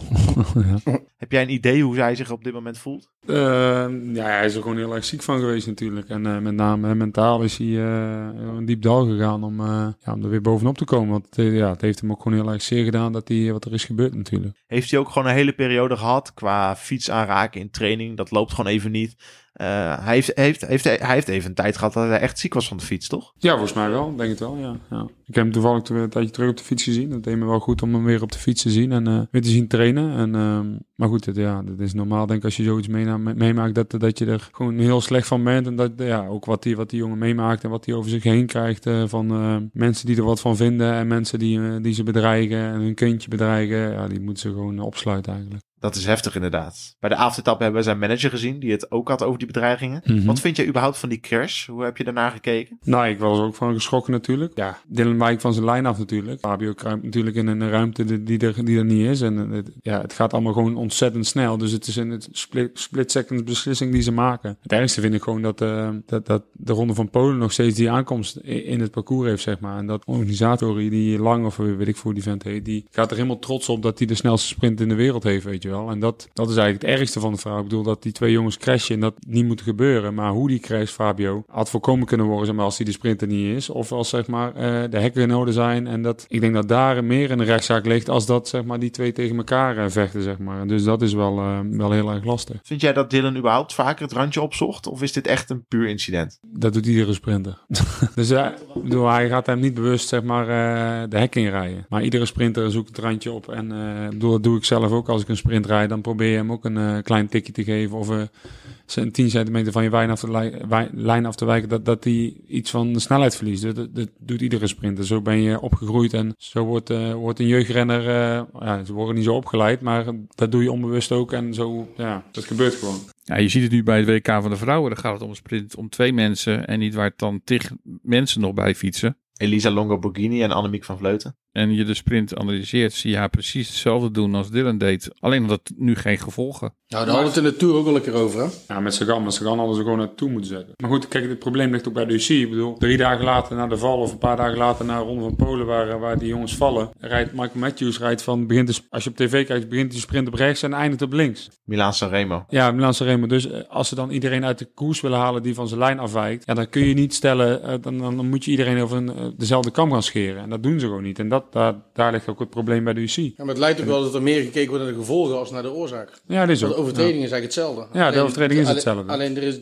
de strafmaat is anders. Ja. Is het, in, ja, is het in dat opzicht misschien wel selectieve verontwaardiging volgens jou? Puur naar de, puur naar de gevolgen kijken? Ja, dat denk Ja. ik wel. Ik bedoel, ze moeten gewoon kijken wat er in de sprint gebeurt. En, en ook al valt er iemand niet of wel. Als in een sprinter van zijn wij- lijn afwijkt, dan moet je hem gewoon disqualificeren. Of als hij zeg maar een elleboog heeft of een schouder of een kopstoot. Of... Ik hoor jou net heel uitgesproken zijn over Sakan in de Tour. Die hadden ze gewoon naar huis moeten sturen. Nou ja, maar met name om wat er, wat er gebeurd is met Dylan en met Fabio. Eh, ik bedoel, hoe de UC daarin staat en eh, ja, hoe ze hem willen straffen, zeg maar. Is het, ja, kan het niet zo zijn dat je die mensen niet straft, zeg maar. Maar jij, jij gelooft ook niet zijn reden van... ik zag een telefoon voor me opduiken en ik moest daar lang. Nee, maar je wil hem toch gewoon aan de kant zetten. Dat kunnen we toch overal... eh, Ja. Nee, dat geloof ik niet. Ja, ik heb geen idee. Ik heb nog nooit in een massasprint gezeten. Nee, ja, natuurlijk, ja, je kruipt overal bij. zo'n ga- Ik, ik, we hadden het net over het WK in, in Valkenburg, dat ik daar vijfde werd. Daar kroop ik ook door een gat in wat het niet was eigenlijk. Maar ja, dat gebeurde wel en ik werd vijfde, weet je wel. Dus ja, zulke dingen gebeuren gewoon. Maar als, als de UC zeg maar gewoon... eh, het probleem ligt nu bij de UC, denk ik, dat ze gewoon iedereen over dezelfde kam moeten scheren en gewoon zorgen dat er, dat er gehandhaafd wordt. En dan gaat het steeds vaker minder gebeuren, denk ik. Ben je ook niet verbaasd over de hele situatie? Het ligt nu weer bij de UC of de commissie die daarover gaat om de straf uit te spreken. Vind je gewoon niet dat het gewoon veel te lang duurt? Ten eerste duurt het veel te lang. En ten tweede is die commissie. Daar zitten gewoon allemaal mensen die er gewoon eh, die er iets van vinden. Maar er, zijn niet mensen die er op, objectief naar kijken. Toen ik eh, aan, eh, mijn vechtpartij had met, eh, met, eh met Prepa van Nek in de Ronde van Noorwegen. Toen ben ik ook een maand geschorst geweest. Nou, vechtpartij. Nou ja, goed. Maar toen hebben ze, had ik een, een gesprek eigenlijk, een videochat zeg maar, met de mensen van de UC om te zeggen wat er gebeurd was. En dat ik hem niet had geslagen, maar ik, ik wou hem in zijn nek grijpen. En, maar wel, eigenlijk was dat gesprek gewoon... Ik dacht dat we het gesprek aan zouden gaan, zeg maar, om te zorgen dat ik niet geschorst ging worden of dat we gingen kijken wat we konden doen. Maar eigenlijk gingen ze daar mij mee gewoon mededelen van, ja, je, je wordt een maand geschorst en eh, kijk maar even wanneer het beste uitkomt. Wat voor mensen zitten er in zo'n commissie dan? Hebben die überhaupt zelf al Nee, fiets gezeten? nee, ook niet. Maar dat is gewoon één, één persoon. Uh, we zijn een paar personen. Dus het is gewoon heel... eh, ja, ik weet niet of het een corrupte bende is, maar het is gewoon een hele rare, raar orgaan natuurlijk, de UC. Hè? Laten we wel wezen. Nou, er zijn er sowieso de laatste tijd veel dingen bij de UC die, raar, die, die gewoon hele rare beslissingen nemen. Straffen wel twee renners met een streepje op een mouwtje. Ja, jongen, ons Ja. allemaal. We hebben het onder meer over de boetes. eh, de best hoge boetes van 2000 Zwitserse frank uit mijn hoofd. Die Jumbo-Visma kreeg omdat ze wel Tony Martin als Tom Dumoulin met de regenboogbandjes verkeerd omreden. Nee, die zaten niet aan het einde van de mouw, maar halverwege. Zeg maar, waar, als ze korte mouwen ja. zouden rijden, dan hadden ze, was het gewoon prima geweest. Oh ja, ja, ja. Ja, dat zijn van die dingen die- die de UCI, van de UCI gewoon een heel ongeloofwaardige instantie maken. Ja, maar hetzelfde als ze zeggen, eh, in het, voor de Tour of tijdens de Tour hebben ze gezegd van ja, we gaan ze stoppen met controles op, mo- op, op motortjes. Hebben ze op een gegeven moment eh, naar buiten gebracht volgens mij in de persbericht. En dan gaan ze in de Tour, gaan ze gewoon weer eh, fietsen scannen of weet ik, gaan ze gewoon weer die fiets van Roglic aan elkaar schroeven. Ja. Dan denk je, wat de fuck jongen, doe even normaal. Ja, dat kan toch niet? Jij begrijpt in die zin wel de reactie van Marijn Zeeman. Hij is daar uiteindelijk voor uit de toer gezet. Ja, ik vond het heel zielig voor Marijn. Ik bedoel, ik bedoel eh, die, die, die, die, die, zo'n situatie loopt heel erg hoog op. En dan heb je zo'n zo'n pannenkoek van de UCI die je gewoon waarschijnlijk niet kan sleutelen. En die gaat even die krenkstel eruit halen, weet je wel. Dat kan gewoon niet. Die fietsen zitten ja, met de hoogste precisie zitten die in elkaar geschroefd. Omdat er ook een vermogensmeter in zit van Shimano. Daar heb je speciale sleutel voor nodig. Speciaal dingetje moet je loshalen. Kan gewoon niet dat dat gewoon zomaar daar gebeurt. Hou er een monteur bij en laat die het doen. Ja, dat is ook zo. Ja, maar ja, is niet anders. Ja, en gewoon ook heel de si- situatie met de CPA. Ehm, ik bedoel, er zijn de laatste heel veel dingen bij de UCI die gewoon niet goed gaan. Ik bedoel, ze komen nu gewoon echt op het punt dat ze gewoon beter naar hun eigen organisatie moeten kijken. En ik zou zeggen, ga in overleg met de renners, ga in overleg met de ploegen hoe dingen anders moeten. Want eh, ja, het lijkt alleen maar erger te worden. Maar als ze dat kunnen en gaan doen, ja, dat vraag ik me wel ten eerste af. Is het nou gedurende Lars jouw carrière veranderd? Is er ooit iets veranderd bij de UCI? Of is het gewoon sinds dat jij op de fiets stapte en er weer vanaf stapte hetzelfde gebleven? Nou ja, ja dat, dat weet ik niet. Want ik denk dat je er naarmate mijn carrière vorderde, ben je, dan ga je er meer, word je er meer bewust van, denk ik. Dus ik was er vroeger niet zo heel erg mee bezig. En afgelopen jaren krijg je er wat meer mee te maken. Dus dan, ja, dan, dan let je er ook meer op. Dus in die zin heb ik daar vroeger niet zo op gelet. Maar ik vind nu af en toe de, hoe ze dingen, beslissingen nemen of hoe de regels zijn. Het kan allemaal wat even wat, wat beter gehandhaafd worden of er beter naar gekeken worden. Zeker. Even terugkomend op Dylan, hoe belangrijk is het voor zo'n jongen dat hij steun krijgt? Ook juist vanuit de renners, vanuit het peloton. Ook juist van renners buiten de ploeg. Ja, ik denk dat het voor hem wel belangrijk is. Ik denk dat, dat, dat de ploeg volgens mij heel erg goed mee omspringt en hem heel erg steunen in, eh, in dit geval. Dus daar is hij wel heel erg blij mee, denk ik. Ja, dus, dit, dit is denk ik heel belangrijk, want anders kom je er niet doorheen. Dan kom je er niet zo goed vanaf, denk ik. Ja. Is het nou gedurende Lars jouw carrière veranderd? Is er ooit iets veranderd bij de UCI? Of is het gewoon sinds dat jij op de fiets stapte en er weer vanaf stapte hetzelfde gebleven? Maar daar hoop ik wel voor hem. Ik denk het wel. Ja, Of ja, ja, als hij weer alles kan eh, gaan hervatten wat hij, wat, hij, wat hij eerst kon. En dat hij gewoon het plezier in de fiets blijft houden. Dan zal dat vast wel goed komen. Ik denk dat hij wel een paar koersen nodig heeft natuurlijk om, eh, om er doorheen te komen en weer een keer een sprint moet rijden. Want dat gaat altijd wel weer nieuw zijn. Fabio Jacobsen, als we Lefebvre moeten geloven, volgend jaar maart alweer terug. Ja, dat is ook veel eerder, denk ik, hè, dan we in eerste instantie hadden durven hopen. Nou, we moeten gewoon hartstikke blij zijn voor die jongen dat het allemaal relatief meevalt. En dat hij gelukkig eh, goed kan herstellen. Ja, het, is voor, eh, ja, het is voor natuurlijk ook gemakkelijker dan om dat te verwerken. Dus hoe meer positieve geluiden daar vandaan komen, dat, eh, ja, dat zal hem dan ook weer kunnen sterken. Ik denk dat voor hem ook goed is om weer op de fiets te stappen en ja, het plezier in het fietsen terug te vinden. Ik bedoel, het zou doodzonde zijn. Ik bedoel, het zijn zo'n beetje de twee beste sprinters van het peloton. Ik bedoel, dat is iets waar je, je wilt ze gewoon zien fietsen, daar wil je gewoon van genieten. Eh, ik mis ze echt allebei heel enorm. Geef hem het dan het met terugwerkende kracht een straf tot het einde van het jaar. En doe dat ook snel. En zodat de jongens er weer bij kunnen zijn eh, volgend jaar. We willen gewoon genieten van mooie sprints. Ja. Nou, dit zijn gewoon de beste sprinters van zo'n beetje de beste sprinters van het peloton. Ja. Heb je nu vertrouwen in Lars dat zulke aankomsten zoals die in de Ronde van Polen nu echt gaan verdwijnen? Of, of zit hij hier volgend jaar gewoon weer in? Ja, la- laten we hopen dat ze verdwijnen. Maar het gaat niet zozeer om verdwijnen. Het gaat er meneer, met name om zeg maar, dat er... Ik heb er op de fiets ook wel eens over na zitten denken. Van er moet gewoon een, een oud-renner komen die bij de UC of voor de UC en organisatoren zeg maar gewoon voor de koers uitrijdt. En gaan kijken van eh, met een vrachtwagen met hooien en weet ik veel wat dingen die, die, die de renners kunnen beschermen. En zeggen van ja, dit is niet veilig of ehm, hier moet naar gekeken worden. En dat je daar nog gewoon tijd voor hebt zeg maar, voordat een etappe van start gaat. En, eh, en op die manier veilig te maken. Want het- sommige dingen kunnen gewoon echt niet. Bijvoorbeeld een paar jaar geleden in de Big Bang Tour. Toen reden we een aankomst ergens in België. En hadden we de laatste twee kilometer stonden gewoon een paar paaltjes. Maar eh, die dus een fietspad splitsten met, eh, met de weg. En dan zat er links van ons, midden in de weg, zat er ook nog vluchtheuvel. Of een, eh, een verkeerseiland, zeg maar.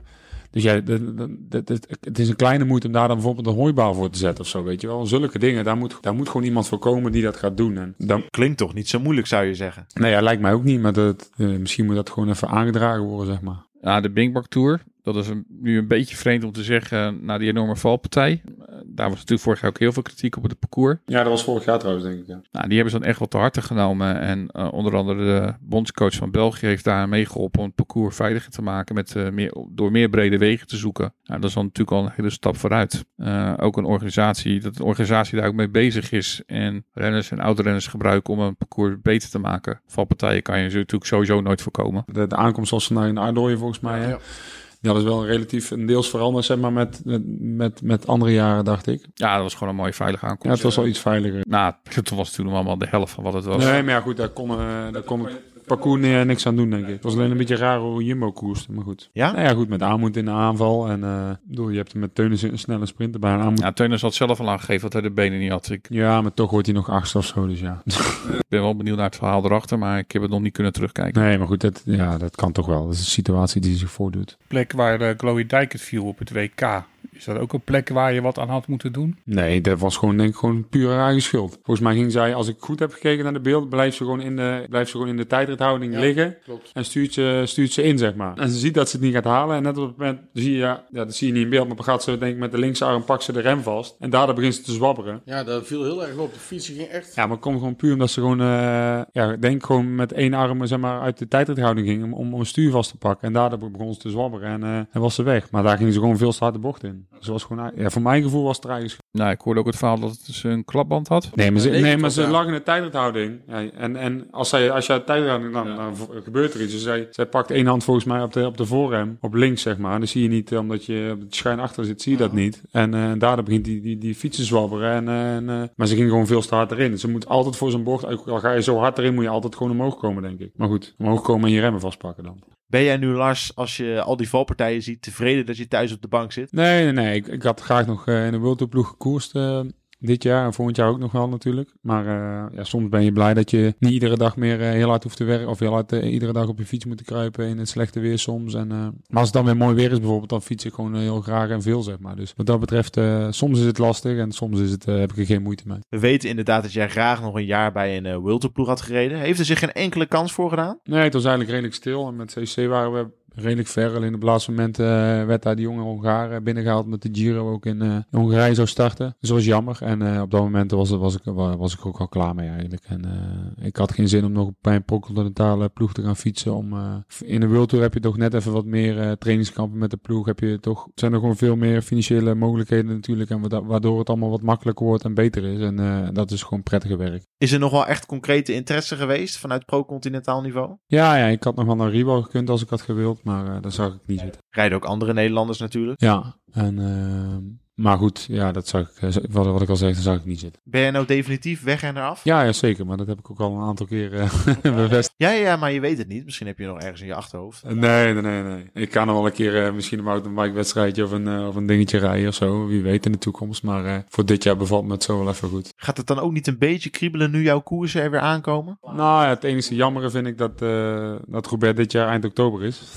Dan is de kans op regen. Op een, op een natte Roubaix, dat, eh, ja, dat is lastig. Maar goed, ik ga die dag wel aanwezig zijn omdat we met de dames in eh, de NER starten en eh, 116 mooie kilometers daar gaan rijden. Dus eh, ja, is niet anders. Volgens mij heb jij heel vaak de dag van tevoren, of de ochtend van tevoren, dan was het weerbericht al lang bekend, maar binnen het gezeten van, laat er alsjeblieft iets uit de lucht komen vallen. Nou, niet bidden, maar je hield altijd wel redelijk eh, het, ja, het- de weersvoorspelling in de gaten natuurlijk. En soms zag het er dan uit een week of zo van tevoren dat het ging regenen. En dan eh, viel het eh, twee dagen van tevoren altijd een beetje tegen. Maar eh, ja, nee, dat is niet anders. Blijft een mooie koers om te rijden, ook al in het droog. Laten we vooruitblikken op die koers en op de ronde, op die twee. Kunnen we nu al heel simpel zeggen, Wout van Aert, topfavoriet nummer 1. Ja, het ligt er even aan hoe Wout zijn niveau is tot eh, aan die periode. Ik, het zou eh, heel indrukwekkend zijn als hij dat nog steeds heeft. Kan niet meteen gaan crossen. Ja, dan kan hij meteen op de crossfiets stappen inderdaad. Ik hoop het niet voor hem.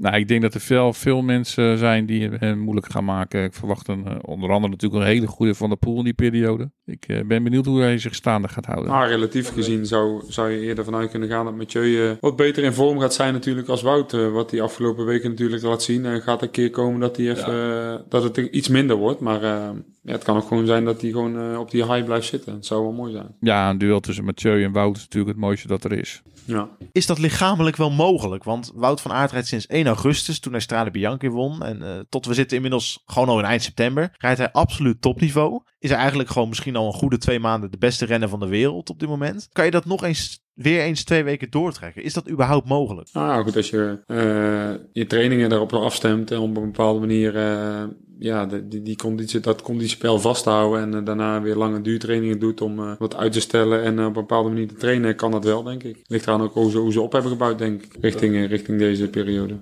Nou, misschien is het voordeel voor de jongens dat het een periode is in het veld. Dat je het hoge niveau ook eh, continu moet volhouden. Ja, dat klopt. Is iets dat je veel meer meekrijgt dan een wielrenner die daar totaal anders in zit. Ja, dat zou kunnen. Maar ik denk, ja, je moet overal altijd wel een redelijk hoog niveau hebben, wil je meedoen natuurlijk. Maar eh, die periode is iets langer inderdaad. Maar nu 1 augustus tot en met eind oktober is, eh, is, ja, is ook drie maanden. Ja, dat is eigenlijk een even lange periode als een crossperiode. Ja, dat klopt. Ja. Dus het, ja, dat zou kunnen. En die inspanning is denk ik wel heel anders, toch? Ja, natuurlijk, de inspanning is zeker anders. Maar hun zijn afgelopen jaar natuurlijk zoveel, zoveel duurwerk gaan doen dat ze dat, eh, ja, dat, dat kan hij nu al lang aan. Dat kan hij al jarenlang aan natuurlijk. Mhm. Maar door die, door die duurrit te doen ga je ook je, je, je, je conditie wel op peil houden en proberen die, die piek zeg maar langer vast te houden. Hij heeft nu een periode dat, dat hij even geen koers heeft. Eh, Ja. ja. dus dat hij even rust pakt en straks weer kan eh, pieken richting eh, de, koersen die het erom doen voor hem. Nou, ik hoop dat hij nu, hij zal wel een week rust hebben nu denk ik. Ja. En, eh, en dan, eh, Ja, meer zelfs volgens mij. nou ja goed, eh, hij zal een week rust hebben en dan zal hij wel weer een week goed of anderhalf week goed kunnen trainen. En dan is dingen alweer. En dan eh, beginnen we met Gent-Wevelgem denk ik. Ja. Ja. Wie zijn zijn, eh, als we naast de naam Wout van Aert, we hebben natuurlijk al Mathieu van der Poel gehad. Maar wie zijn verder de grootste concurrenten? Komen we dan weer in het gebruikelijke rijtje van Avermaat, halve quickstep ploeg, Hele, hele quickstep ploeg. hele quickstep ploeg? Ja, dat zijn de usual suspects, denk ik. Ik weet niet wie er vandaag maar bij de valpartij lagen. Ja, voor naast vrees ik inderdaad wel dat het einde van het seizoen kan zijn. Wat heeft het naast us, sorry? Die kon met zijn rechterbeen niet meer trappen. Nee, dat zag er niet al te best uit. Nee. Ja, dat zou ik ja, maar ja, ik Een grote kneuzing in de rechterknie is in ieder geval bekend. Het is nog niet bekend of hij morgen weer opstapt. Ja, ligt aan wat ze vanavond kunnen doen qua herstel natuurlijk. Maar ja, dat is afwachten. Maar als het alleen een kneuzing is, met alle respect, dan denk ik dat Gent-Wevelgem zo niet in gevaar gaat komen. Hij vreest voor een gewrichtsprobleem, een blessure aan de banden van de knie. Oké, dan wordt het denk ik wel een ander verhaal. Ja, dat zou, dat zou ik proberen te herstellen richting de Ronde van Vlaanderen. Ik denk dat uh, Steels heeft zijn pols gebroken, denk ik. Ja, maar dat zag er ook niet goed uit. Nee. Maar uh, terugkomend op uh, de favorieten. In principe zijn het de usual suspects die we gaan zien. Ik kijk er naar uit. Uh, het mag wel een beetje stormen bij dat soort wedstrijden. vind ik altijd wel mooi. Nou ja, sowieso. Gent Wevelgem is natuurlijk de eerste twee uur altijd, uh, altijd bal uh, als de wind daar een beetje mee of uh, schuin staat. Dus dat is gewoon een heel uh, ja, mooie koers wat dat betreft als er een beetje wind staat. En Vlaanderen is natuurlijk altijd uh, ja, wat anders, anders koers. Omdat, maar, maar Gent Ja, Wevelgem... zonder publiek dit jaar. Ja, dat is lastig, Michael. Kunnen we niet naar de tent. Nee. Dat is wel jammer, ja. ja, ik vind het wel vreemd dat je nog naar de Ronde van Vlaanderen gaat toewerken. Of Parijs-Roubaix. Het is wel een heel wereldvreemd seizoen. Dat klopt. Het is wel lekker zo als het een beetje koud wordt binnen zo. En lekker warm Oh, ja. ja. op haard aan. Even uit tv aan en dan mooi, Voor ons is het lekker, ja. mooi net voor die finale een beetje in slaap vallen. Nou, misschien moeten we er wel definitief Nijaarsklassiekers van maken dan. Ja, inderdaad. Gewoon net zoals vroeger, de Vuelta in mei en dan uh, Lombardije in april. Moet toch kunnen? Als het blijkt dat het mooier is. Ja, nou ja, ik zou zeggen, Lars, uh, praat met de UCI. Waarom niet? Uh, doe maar niet. Is de ploeg van Jumbo-Visma, Lars, in de klassiekers nou veel sterker dan, dan toen jij de klassiekers nog bij Jumbo reed? Of scheelt het niet zoveel? Nee, ik denk dat we toen ook gewoon hele sterke renners hadden. Ik denk dat de renners die er nu allemaal redelijk te vergelijken zijn. En misschien hadden we toen soms af en toe nog wel een sterkere ploeg, denk ik. Ja. Maar goed, nu heb je één speerpunt met Wout natuurlijk. En, en daarnaast ja, heb je gewoon hele sterke helpers. En met Mike natuurlijk, die hopelijk ook er doorheen komt en, uh, en uh, mooie dingen kan laten zien. Ja. Ja, het is heel frappant van wat ik van, de, wat ik van de week hoorde. De ploeg was opeens niet goed genoeg voor Wout bij de Belg. Michel Wuits, hè? Terwijl hij in het begin van het seizoen nog had gezegd dat het de sterkste ploeg was achter Quickstep. En nu opeens las ik in de commentaren dat Wout een heel zwakke ploeg mee krijgt. Nou, wat zijn dat dan voor uitspraken dan? Maar is dat dan een soort, soort heksenjacht op de ploeg van Jumbo-Visma? Die nu, die nu niks meer goed kunnen doen, omdat Wout van Aert de hele Tour heeft moeten werken of zo? Wout van Aert is nou de nieuwe god van Michel Wuits. Een ja. nieuwe, uh, nieuwe Eddie Merckx, zeg maar. Dus dan... Weet je wat Tom Bonen altijd was? Ja, Sven Nijs in de crossvorm. En uh, dat is nu Wout van Aert voor uh, Michel Wuits, denk ik. maar goed, dat snap ik ook wel. Want ik bedoel, het is heel bijzonder wat hij doet. Maar ik denk als je met die ploeg naar de klassiekers toe gaat, dan mag je zeker niet klagen. Nou, ik denk echt dat hij een hele sterke ploeg mee krijgt. Ik vind vooral Pascal Inkorn vind ik heel sterk rijden. Ja, in de omloop, hè, in het begin van het jaar liet hij meteen zien toch wel een stap te hebben gemaakt. Diep in de finale was hij mee. Terwijl hij toch al best wel veel energie had verspild. En waar ligt het potentieel van zo'n jongen? Nou, het is ook nog een jonge gozer verder. Maar ik vind het met name mooi om te zien dat Pascal gewoon uh, wel confrontatie opzoekt zeg maar, in de koers. Dat hij wil koersen en dat hij, dat, hij, dat hij toch wel vaker gewoon meeschuift en aanvalt. En dat is wel mooi om te zien. En af en toe een keer nog een keer zelf meespringt, weet je wel. dat is wel belangrijk. Ja, zeker. Waar ligt het potentieel van zo'n jongen? Nou ja, ik denk wel zulke koersen, net zoals uh, Bing Bang Tour, zulke wedstrijden. Maar ook denk als hij zijn eigen nog een beetje bergop verder ontwikkelt, dan, uh, dan is Amstel misschien ook nog wel een uh, dingetje voor hem, denk ik. Dus ik denk dat, er veel, ja, dat hij er nog veel uit kan halen in de toekomst. Ik hoor daar raakvlakken met Lars Boom. Nee, Pascal is wel anders. Ik bedoel, denk dat Pascal niet zo'n tijd in zijn been heeft zoals mij, zeg maar, vroeger. Dus ik, is wel meer, echt meer een wielrenner als een, als een tijdrijder, zeg maar. Ja. Ja, je hebt natuurlijk ook weer Timo die een lastig jaar heeft gehad en weer terug is. Met uh, Taco en Maarten dan heb je ook nog uh, twee mannen die, uh, die de ondersteuning prima bij kunnen hebben. Nou, ik zie niet wat er mis is met deze groep jongens. Daar kan je echt wel de klassiekers mee gaan rijden. Ik denk, ik denk dat het ook een gezellige, gezellige groep is. Als ik er naar kijk, dan liggen die jongens elkaar allemaal wel redelijk, liggen die elkaar allemaal gewoon goed. Dat is ook wel belangrijk als je weer een week of twee weken met elkaar op scheep zit in België. Maarten Wijnands was er ook al bij toen jij in 2011 en 2012 met Rabobank nog de klassiekers reed. Ja. Die gaat al een tijdje mee. Ja, die heeft, uh, toen ik mijn eerste tour reed, toen uh, zat ik met hem in een vroege, vroege vlucht vanuit Rotterdam naar uh, Antwerpen, naar, Bru naar Brussel, denk ik. En toen reed hij nog voor Quickstep. Dus, toen werd er met de vlag gezwaaid? Toen waren we, ik was net daarvoor was ik weg. Nee, dat klopt. Dus een, een hele goede knecht, denk ik. Wisten jullie eigenlijk al dat jullie ploeggenoten zouden worden toen jullie samen in die vlucht zaten? nee, want zat hij de jaar daarna zat hij bij Rabobank, denk ik, of niet? Nee, dat wist ik volgens mij niet, denk ik niet. Nee, wist ik niet. Hoe belangrijk is zijn rol? Uh, toen jij nog in de ploeg reed, maar ook als je nu ziet, nou, met toch al een paar jonge gasten, hoe belangrijk is zijn rol als captain eigenlijk? Ja, belangrijk, maar niet uh, zo belangrijk als iedereen denkt, denk ik. Hij, natuurlijk is hij op bepaalde momenten daar, maar en nu met Wout, uh, dan gaat hij wel het uit, uit, de, uit de kan halen, denk ik, om zijn best te doen. Met name omdat Wout ook een Belg is en, uh, en uh, die elkaar wel liggen, denk ik. Nou goed, Maarten weet goed de weg. En uh, dus die zal er wel staan, denk ik. Ja. Had natuurlijk al aangegeven dat nog een grote wens was om een grote klassieker te winnen met Wout. Dus nou, nog dit, dit najaar en komend voorjaar om dat doel te bereiken. Ja. Wout heeft de grote klassieker gewonnen. nu nog met Maarten erbij. ja. Nou, voorjaar klassieker dan. Hè. Kun je maar hebben, Sanremo. Ja, nou, nog. Ja, nee, maar goed, hij gaat wel, uh, wat Gilbert al heel lang nastreeft, gaat Wout misschien nog wel dichterbij komen de komende ja. jaren, denk ik. Om, uh, om vijf, alle vijf alle monumenten. monumenten te winnen. Sorry. En zie jij in hem wel een vijf monumenten winnaar? Ja, ik bedoel, ik denk uh, Vlaanderen, Roubaix, uh, het Luik en, uh, en Lombardije. Ja, ik denk dat het wel allemaal kan, ja. Zoals hij nu rijdt, moet het wel kunnen, denk ik. Zeker. Hey Lars, de laatste keer dat jij Parijs-Roubaix reed bij Jumbo was 2017, geloof ik, hè? Toen reed je hem niet uit. Nee. Vorig jaar bij Roompot wel. Ja. In 2018 door je hartoperatie heb je hem niet gereden. Ja. Je hebt deze vraag al ongelooflijk vaak gehad. Maar nu zit je carrière erop.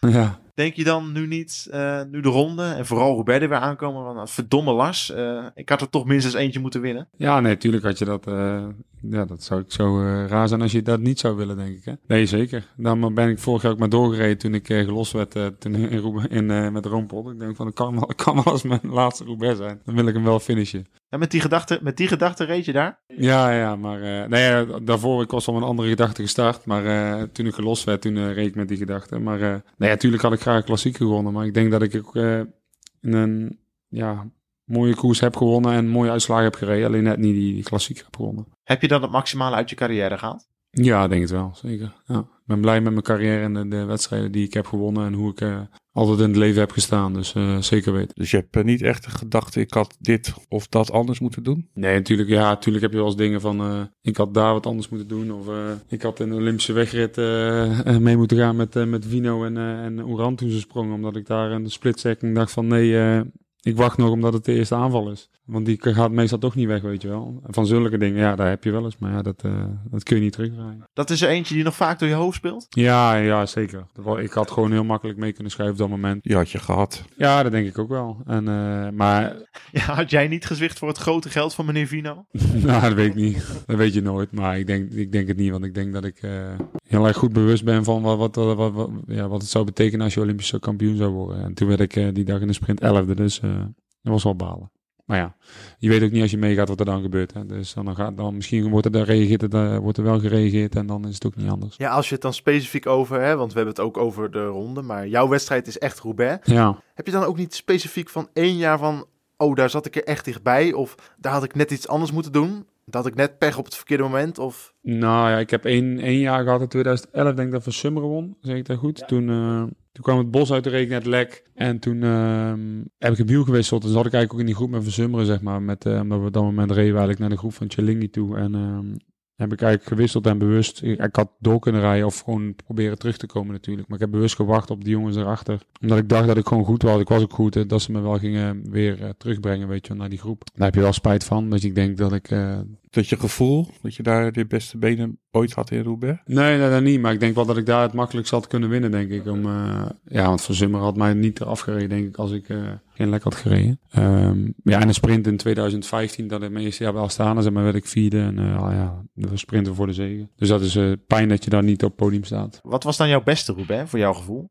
Ja, um, ja, 15 of 11. Tussendoor kan ik ook nog niet alles meer herinneren, zeg maar. Ik heb vaak, heel vaak voor uh, strook 4, 5 heb ik uh, wel eens een lekker band gehad. Twee keer denk ik of zo. Dat ik moest wisselen. En dat is gewoon een uh, killing moment in, die, in, in die, die periode van de wedstrijd. Omdat je dan, ja, dan heb je alle energie nodig om, om die stenen over te komen. En dan moet je ook nog energie nodig hebben. Heb je dan nodig om terug te komen. En dat is wel, uh, dat, is, dat is soms balen. Maar ja, dat is, dat is, dat is de koers ook. Nou, wat mij is bijgebleven is je eerste passage door het bos van Valère. Nou, reed je zo indrukwekkend goed. Ja, dat was 2000. 10 dan denk ik. Ja, dat was in 2010 inderdaad volgens mij. Ja, wat je daar deed was echt heel sterk. Ik denk dat het echt de snelste passage door het bos is. Ik er heel makkelijk overheen denk ik. Als, als ik je terugkijk. nou, gratis advies van Rahim. In die beginjaren reed ik altijd op mijn crossfiets. Of dan reed, wisselde ik naar 80, 80 kilometer zeg maar. Pakte mijn crossfiets en dan reed ik altijd met 30 banden, voor 30 mm banden. Dus dan, en die crossfiets was gewoon heel prettig rijden altijd. Daar was ik, ja, zat ik heel comfortabel op. En uh, ja, als je gewoon een bepaalde snelheid hebt op de kassei, dan, dan voel je ze ook niet, niet echt zeg maar.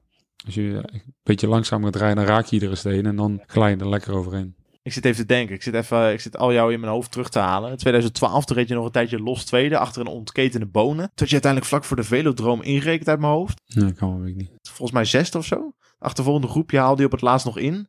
Volgens mij had je kramp of een hongerklop of, zoiets. Al die wedstrijden liggen niet meer zo vers in het geheugen. Nee, ik kan heel veel dingen van de koers soms niet meer herinneren. Dan word ik aan uh, mensen, zulke interviews en podcasts, word ik daar weer aan herinnerd. ja. In 2013 kan ik me nog herinneren dat er, dat, ja, dat er wel een favoriete rol op jouw voorhoofd was geplakt. Ja. En toen Cancellara op een tussenstrook ging. Nou ja, dat, ja die... het laatste beeld dat we van jou in die koers zagen... Uh, was dat ik loste zijn uit zijn wiel. was vier ducten omhoog volgens mij. Ja, ik zeg vlak, maar het liep omhoog. Ja. Dat je Cancellara moest laten gaan. Ja, ja, dat kan wel, ja. Maar ja, als je tegen zulke brommers rijdt, dan uh, dat is ook niet altijd makkelijk geweest. Hè. Nee, je had wel een beetje tegenstand. Ja, dat denk ik wel. We hebben het erover gehad of je dingen anders zou doen. We hebben het eerder natuurlijk gehad over Lauwers de Plus. En er zijn mensen die denken, denken wij misschien wel, denken wij misschien wel ook. Uh, dat zal voor het geld zijn. Want gaat hij daar bij uh, net zoveel kansen krijgen als kopman als hij die heeft gekregen bij Jumbo-Visma. Jij hebt natuurlijk twee jaar bij Astana gereden. Ja, in hoeverre was dat nou een geldkwestie? Gewoon heb ik veel verdiend. Nee. nee, heb ik veel geld verdiend. Maar dat was ook logisch denk ik, omdat ik uh, die toerrit won. En, en daar haalde het voor de klassiekers. Maar er was geen geldkwestie eigenlijk. Want er waren nog wel aanbiedingen van andere ploegen die waar het over het geld, hetzelfde geld ging, zeg maar. Dus um, ik had die, dat punt in mijn carrière heb ik ook vaak gezegd dat ik gewoon een, uh, een andere mensen om me heen nodig had. En uh, omdat ik al zo lang zeg maar, bij Rabobank zat. En bij, of in ieder geval de continentenploeg van Rabobank. Daarna Rabobank zelf natuurlijk. Uh, Blanco, Belkin. Dat was gewoon het juiste moment om, uh, om iets anders te gaan proberen en een nieuwe omgeving op te zoeken. En natuurlijk, ik heb heel mijn carrière denk ik veel centjes mogen verdienen en daar ben ik altijd heel blij om geweest. En ja, dat waren ook een paar goede jaren denk ik. Was die toeretappe die je won in 2013 ook voor Astana de aanleiding om contact met je op te nemen? dat, ja, denk ik. Ja, weet ik, ik weet niet wat. Je had er een paar van Astana in je wiel. Nee, ja, hoe, Vino erover over, nadenkt. Maar goed, uh, Liwa Reda natuurlijk een Nederlandse jongen. En ik denk dat ze voor die klassiekers waren nog wel op zoek naar, uh, naar een klassieke rennen. Dus dat heeft wel de doorslag gegeven, denk ik. Want, uh, het eerste jaar staan, dan was jij in Vlaanderen ook heel goed, toch? Ja, werd ik zes in Vlaanderen, zes in Vlaanderen. Maar toen had je twee keer pech of zo in de finale? Ook met lekke banden? Nee, dat was een jaar daarna volgens mij. Dat ik met speciale banden, want die waren toch niet meer zo goed. Toch niet zo speciaal? Maar ja, die waren wel speciaal, maar niet... Uh... Nee, maar weet het, bij, in, in de Tour in principe, op de eerste rustdag hadden we, hadden we contact met, met Vinokourov, zeg maar, en met Astana. En de uh, tweede rustdag hadden we een aanbieding en in, uh, in Parijs heb ik getekend. Dus dat is eigenlijk vrij snel gegaan allemaal.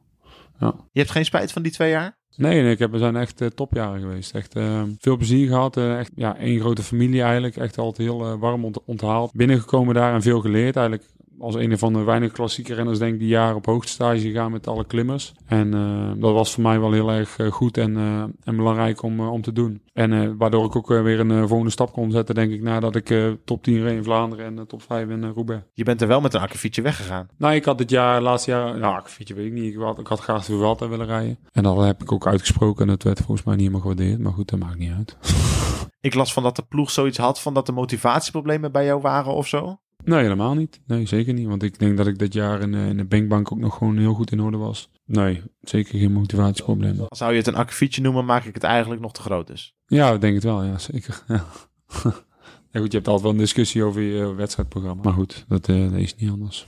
Daarna kwam je natuurlijk terug bij Lotto Jumbo. Ja. Ik kan me niet voorstellen dat je daarop terugkijkt met een tevreden gevoel. Qua prestaties in ieder geval. Nou goed, het eerste jaar dat ik terugkwam, toen ik tekende, dus had ik, had ik aangegeven ook van ik wil graag om te beginnen naar Down Under, om daar gewoon eh, veel kilometers te maken in de zon te koersen. En eh, dat was eigenlijk ook allemaal prima. En alleen later toen ik eh, mijn programma kreeg en had overlegd, toen zei ze van ja, je gaat niet naar Down Under. En ik zei, hoezo niet? Ik zei, daar hebben we het gewoon overlegd. En omdat ze wou ook dat ik wat kosten ging rijden. Maar goed, daar, dat vind ik wel jammer dat dat nooit is gebeurd. En ik had ook aangegeven dat ik graag op hoogtestage wou gaan, zeg maar, richting klassiekers, omdat het gewoon goed is bevallen. En dat werd het eerste jaar ook niet gedaan. En daardoor eh, zijn er gewoon heel veel dingen misgelopen in dat eerste voorjaar eh, voor Jumbo weer. En eh, dat is wel heel erg jammer, denk ik. Want uh, waar staan er ik Down Under, of trainingskamp in december, ging ik naar, naar Down Under om daar...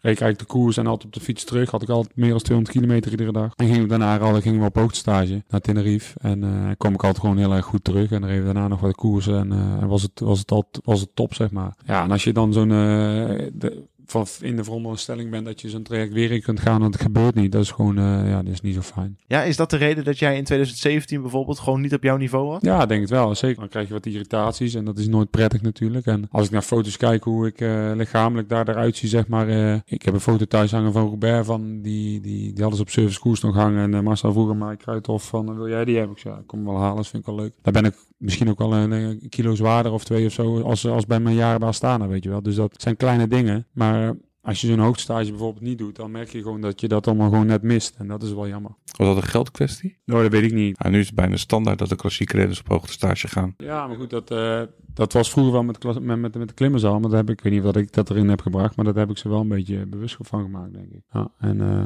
maar ik weet niet wat het een geldkwestie was. Dat hoef ik niet te zeggen. Ja. Over, over, over Jan het over materiaal ook. Ehm jij, hebt- jij hebt verschil, verschillende soorten fietsen gereden. ja.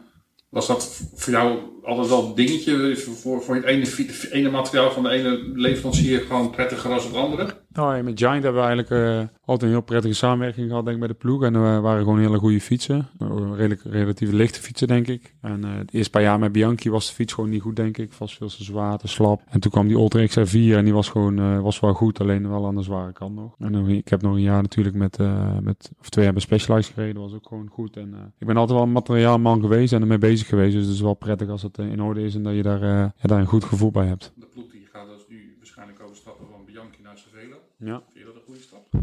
Ja, ik vind de Cervelo, als ik kijk naar die Aerofiets, die S5, die is wel een van de, de mooiere en eh, snellere fietsen, denk ik, in het peloton. Dus het ziet er wel eh, ziet er heel goed uit, denk ik. Ja, zeker. Ja. Hoe beviel de Bianchi fiets jou dan? Ja, op zich goed. Het was een prima fiets. En eh, met name ook de klassieke fiets, de Infinito, dat was ook gewoon een hele goede fiets. Alleen, ja, je, je verwacht soms van een le- fietsenleverancier dat ze wat meer meegaan in de tijd, zeg maar, en proberen eh, ja, te vernieuwen. En dat gebeurde gewoon niet altijd. Dan liep je altijd gewoon een beetje achter de feiten aan. En dat is soms wel jammer, omdat je wel op het topmateriaal wil rijden, omdat je gewoon in een uh, profploeg zit, zeg maar. Natuurlijk hadden we het topmateriaal van Bianchi, maar er zijn altijd betere fietsen in het peloton, zeg maar. Dus dan uh, wil je daar eigenlijk wel op rijden.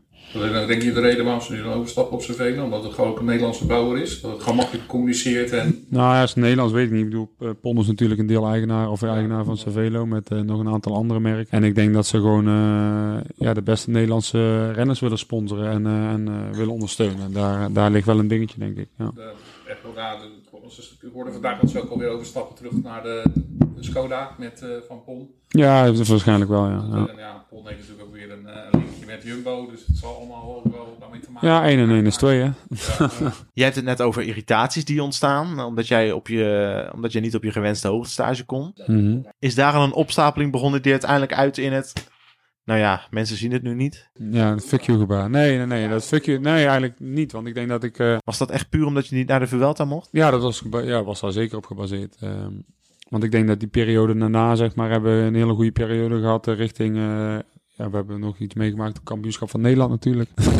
waar Tom Lezer mij teruggehaald en uh, waardoor ik eigenlijk niet win. En uh, ik denk dat je, natuurlijk moet je altijd vasthouden aan een plan. En ik bedoel, dat doen ze nog steeds heel erg goed. Alleen natuurlijk moet je ook openstaan voor dingen als je, als je een ingeving krijgt of ja, een gevoel hebt in de koers dat je daar kan winnen op die manier. Ja, ik ben heel eh, iemand die eh, in, een koersintuïtie heeft en een koerslijp is, zeg maar. En een winnaar ben. En eh, dat hebben niet heel veel renners. En dan eh, moet je dat soms aanpassen. Maar goed, na het kampioenschap zijn we op hoogstage gegaan toen. En hebben we gewoon een goede periode gehad in Kuta, in, eh vlakbij Innsbruck. Ja, daarna ben je ritten in, in, in de Binkbank. En ben je eigenlijk klaar om richting de Vuelta te gaan. Omdat je dat ook eh, enerzijds beloofd is. En dan wordt de daar van tevoren verteld van je gaat niet naar de Vuelta. We nemen Daan Olivier en eh, een aantal andere jongens mee. Waarvan ze achteraf wel spijt hebben gehad, denk ik. En ehm, nou ja, goed, als je naar eh, die documentaire gaat kijken, er is alleen maar irritatie geweest eh, van Clement en Kruiswijk richting Olivier en die jonge gasten allemaal. Dus dan is het niet zo. Ik hoor een beetje aan hoe jij het erover hebt dat je wel Clement en Kruiswijk in deze begrijpt. Ja, nou ja, goed, nee, eh, goed, ik, nee, ik begrijp. Ik weet niet of dat, eh, wie er verantwoordelijk voor is geweest. Maar kijk, je wil naar een grote ronde. Als je daar naartoe gaat om eh, een, een klassement te rijden met Steven, zeg maar. Dan wil je gewoon eh, jongens mee hebben die gewoon ervaring hebben. En die weten hoe, hoe het werkt om iemand uit de wind te houden. En die iemand uit de wind kunnen houden, bijvoorbeeld. En eh, je kopman steunen. En als, ik, als, er is iemand, als er één iemand is die zijn kopman steunt, zeg maar. Als voor zijn kopman moet rijden, dan ben ik het, weet je wel. Dus dat is, ja, dat is ja, jammer. Want ik denk dat het een gemiste kans voor die mensen is. En als, als je irritaties krijgt in een grote ronde, ja, dat schiet gewoon niet op. En dat kost gewoon heel veel energie. Dat wil je gewoon niet. Ik vind het ook wel opvallend hoe uitgebreid over jouw intuïtie op het NK. Ja. Na afloop ging het vooral over, het plan was toch om met Dylan Groenewegen voor de sprint te gaan. Waarom rijdt Lars Boom dan op het laatst weg? Maar jij neemt het Tom Lezen dus kwalijk dat hij jou terughaalt. Jij, jij zegt, had het werk aan Sunweb overgelaten. Nou ja, tuurlijk. Ja, je, je, je bent toch ploeggenoot. hè? Ik bedoel, eh, als, je, als mijn ploeggenoot voorop rijdt, dan ga ik er niet achteraan rijden. Ook al is het het plan. Ik bedoel, nu komt eh, Dylan, eh, op dat moment komt hij misschien 100 meter tekort omdat hij te vroeg de sprint aan moet gaan. En eh, als, eh, als hij zijn intuïtie laat spreken of zijn, zijn koersgevoel, dan wacht hij misschien een paar tellen. Kan Dylan bij uh, Sinkeldam in zijn wiel zitten en print hij wel voor de zege, weet je wel. Dus zijn allemaal kleine dingen. En, eh, maar Tom die hield daar vast aan het plan op zich eh, zo goed recht. Alleen, ja, werden we weer geen kampioen, zeg maar. Toen heeft het wel geknetterd na afloop. Nou, we hebben toen wel een redelijke bespreking gehad waar iedereen het mij kwalijk nam, zeg maar, dat ik aanging. Maar ja, dat... eh, Snap jij dat ook? Dat het misschien egoïstisch overkomt? ja, maar ja, weet je, het is een kampioenschap en eh, er wordt- werd toen gezegd van eh, misschien moet je dat aangeven van tevoren in de bespreking, maar je weet nooit hoe een koers gaat in de bespreking. Dus dat is gewoon heel lastig en ze weten donders goed dat ik een kampioenschaprenner ben, zeg maar, en dat ik niet zomaar naar een sprint ga rijden, zeg maar. Dus ja, dat is toch altijd lastig. Voor allebei de kanten. Vind je het dan ook jammer dat je uiteindelijk maar, zeg ik tussen aanhalingstekens, één truitje hebt gehaald op de weg? Ja, zeker. Ik ben een aantal keren dichtbij geweest, denk ik, nadat ik in Oud-Marsum eh, kampioen werd. Eh, dus ja, een aantal keer meer was eh, zeker welkom geweest, ja, zeker. Ja. Laten we het hebben over het laatste jaar, 2018, in de eerste maanden. Nee, je vergeet de Ronde van Groot-Brittannië. Dat was net zo mooi. mooi. Oh, ja, ik ben ook eigenlijk te makkelijk. Ik haal alleen maar de negatieve dingen eruit. Kijk maar even naar die top 10 van de tijdrit. nee, ik, vond, ik, vond, ik, vond het een van de mooiste koersen van dat jaar. De, die jij daar deed in, in, in de Groot-Brittannië.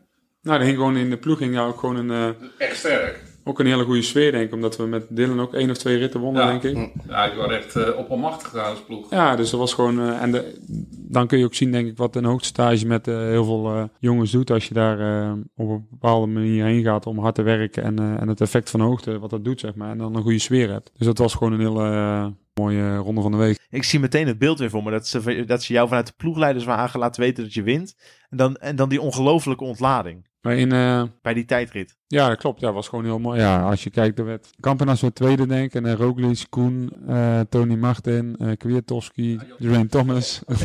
nou, dan gaan we speciaal voor jou gaan we nog even die top 10 opnoemen. ja, doe maar. 10 Luke Durbridge, 21 seconden. 9 Alex Dowsett, ook op 21 seconden. 8 Geraint Thomas op 17 seconden. 7 Michał Kwiatkowski, ook op 17 seconden. 6 Tony Martin, 12 seconden. 5 Jos van Emden, 11 seconden. 4 Stefan Koen, 8 seconden. 3 Vasil Kirienka, 7 seconden. 2 Victor Kampenaerts op 6 seconden. En 1 Lars Boom, 19 minuten 2 seconden, 51,068 gemiddeld. Ja, dat is wel mooi.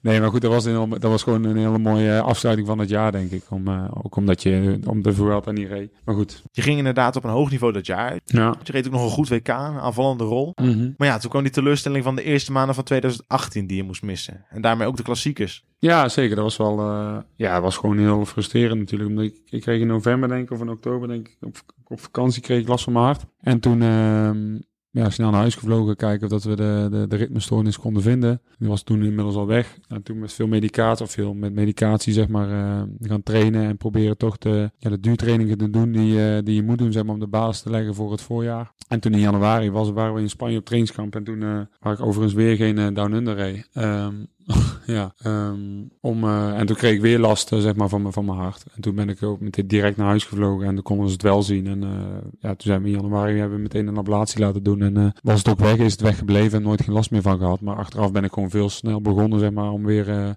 proberen toch de klassiekers te halen. En dat, dat is uiteindelijk niet gelukt. En dat, dat kostte je gewoon nog veel langer, zeg maar, als dat eigenlijk nodig was, denk ik. Dus, je hebt uiteindelijk, uh, je rijdt aan het einde van dat jaar de Vuelta. Ja. Uh, voelde dat ook als de laatste kans voor Lars Boom om nog een contract voor 2019 uh, bij de ploeg af te dwingen? Was dat het ook echt zo van, Lars, ga je me bewijzen? Nee, ja, dat kan trouwens wel, want volgens mij zijn pluggen zijn toen pas in, in Madrid, s'avonds toen we bij de ambassade waren voor een etentje zeiden ja, we, uh, ik, we gaan je contract niet verlengen. Zei, ja, dat, dat had ik wel, dat had je ook al eerder kunnen zeggen, want dat had ik al aanzien komen. maar goed. Dat hoorde jij na drie weken. Nou, en dan ben je aardig aan de kloten. Ja, ja, goed, dat maakt niet uit of dat je na drie weken of na een week bedoel. Je doet gewoon je best voor je, voor je kopman. En uh, als je daar in, in die Vuelta gewoon je eigen kansen krijgt, dan is het ook gewoon prima. Maar uh, ja, dit, uh, dit, is niet anders. Het gebeurt gewoon. Jij hebt niet zoiets van dat jaar van waarom krijg ik geen vertrouwen, aangezien ik er niks aan kon doen en ook zoveel moest rusten na die operatie? Nee, ja, tuurlijk. Ik heb denk ik ook wel laten zien dat ik gewoon heel hard heb gewerkt om terug te komen. En uh, op een goed niveau. En dan is het wel vervelend uh, dat, je, ja, dat je niet nog een jaar krijgt om, uh, om, om maar goed. Dit is ook al je, al je tweede termijn bij, bij, de, bij de ploeg. Dus enerzijds kan ik dat ook wel inkomen. Hoe ben je er destijds vertrokken bij de ploeg? Op een goede manier of was er wel irritatie? Nee, ik, ben, ik, ik denk dat ik nog steeds af en toe de ploeg noem, zeg maar. Of, uh, dus dat geeft al genoeg aan, denk dat ik... ja, daar ben je opgegroeid als renner. Dus daar heb je altijd een zwak voor. En, en, en, en zal je altijd een bepaalde manier een goed gevoel bij houden. En ik ben er niet met een raar gevoel vertrokken, zeker niet, nee. Nou, je kan dus met een, uh, op een goed gevoel, met een goed gevoel terugkijken op je carrière bij Jumbo-Visma. En ook nog steeds met plezier kijken naar de wedstrijden met Jumbo-Visma. Heb je ook nog steeds goed contact met, uh, met bepaalde collega's? Ja, zeker. En, uh, en, en, en, en, en, fietsvrienden, zeg maar. Dus wat dat betreft is het, is het mooi om naar te kijken. En, en, ben je ook trots op wat ze nu presteren? Ja, dat wou ik net gaan zeggen. Het, het, is mooi om te zien hoe ze, daar nu, hoe ze er nu in staan. En hoe hard het, ja, hoe harde werken zeg maar, betaald wordt met, met mooie uitslagen en mooie, mooie overwinningen en mooie dingen die ze behalen. Zeker, ja. Met hoeveel jongens heb jij nu nog echt contact? Uh, met Pascal heb ik wel redelijk veel contact. Met Dylan, af en toe met Primos. En uh, that's it, denk ik wel. Zou jij ooit nog wel eens in de toekomst terug willen komen bij de ploeg? Weet ik veel als... Uh, schuilt er een ploegleider in jou? Uh, nou ja, ik ga die, die tour ga ik wel een beetje op. Omdat ik, ik ga in november nu mijn cursus doen in, uh, bij de UC. Licentie te halen. Dus die kans is wel aanwezig dat je misschien ooit ploegleider wordt bij een mannenploeg. Dus wie weet. Die ambitie heb je wel? Ja, lijkt me wel leuk. Ja, zeker. Dus wie weet zien we Lars Boom over vijf jaar in de Tour de France achter het stuur? Ja, zou kunnen. Zeker. Zou leuk zijn. Is het ook een goede ontwikkeling dat er weer een opleidingsploeg is? Nou, dus lijkt er nu op dat er al de eerste talenten uit voort gaan komen? Ja, ik denk het wel. Zeker. Ik bedoel, ik uh, belde waar Robert Wagner toen op, die, die daar uh, ploegleider is. Ik zeg, Wagner, ik ben, ik ben jaloers op je.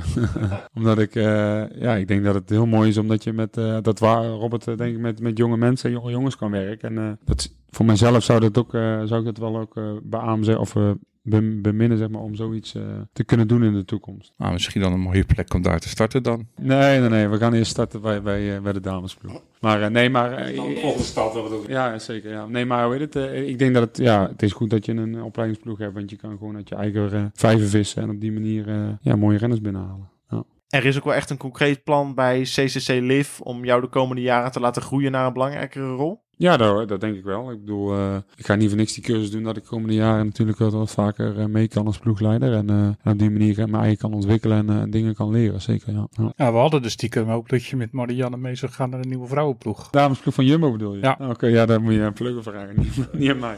Nee, nee man.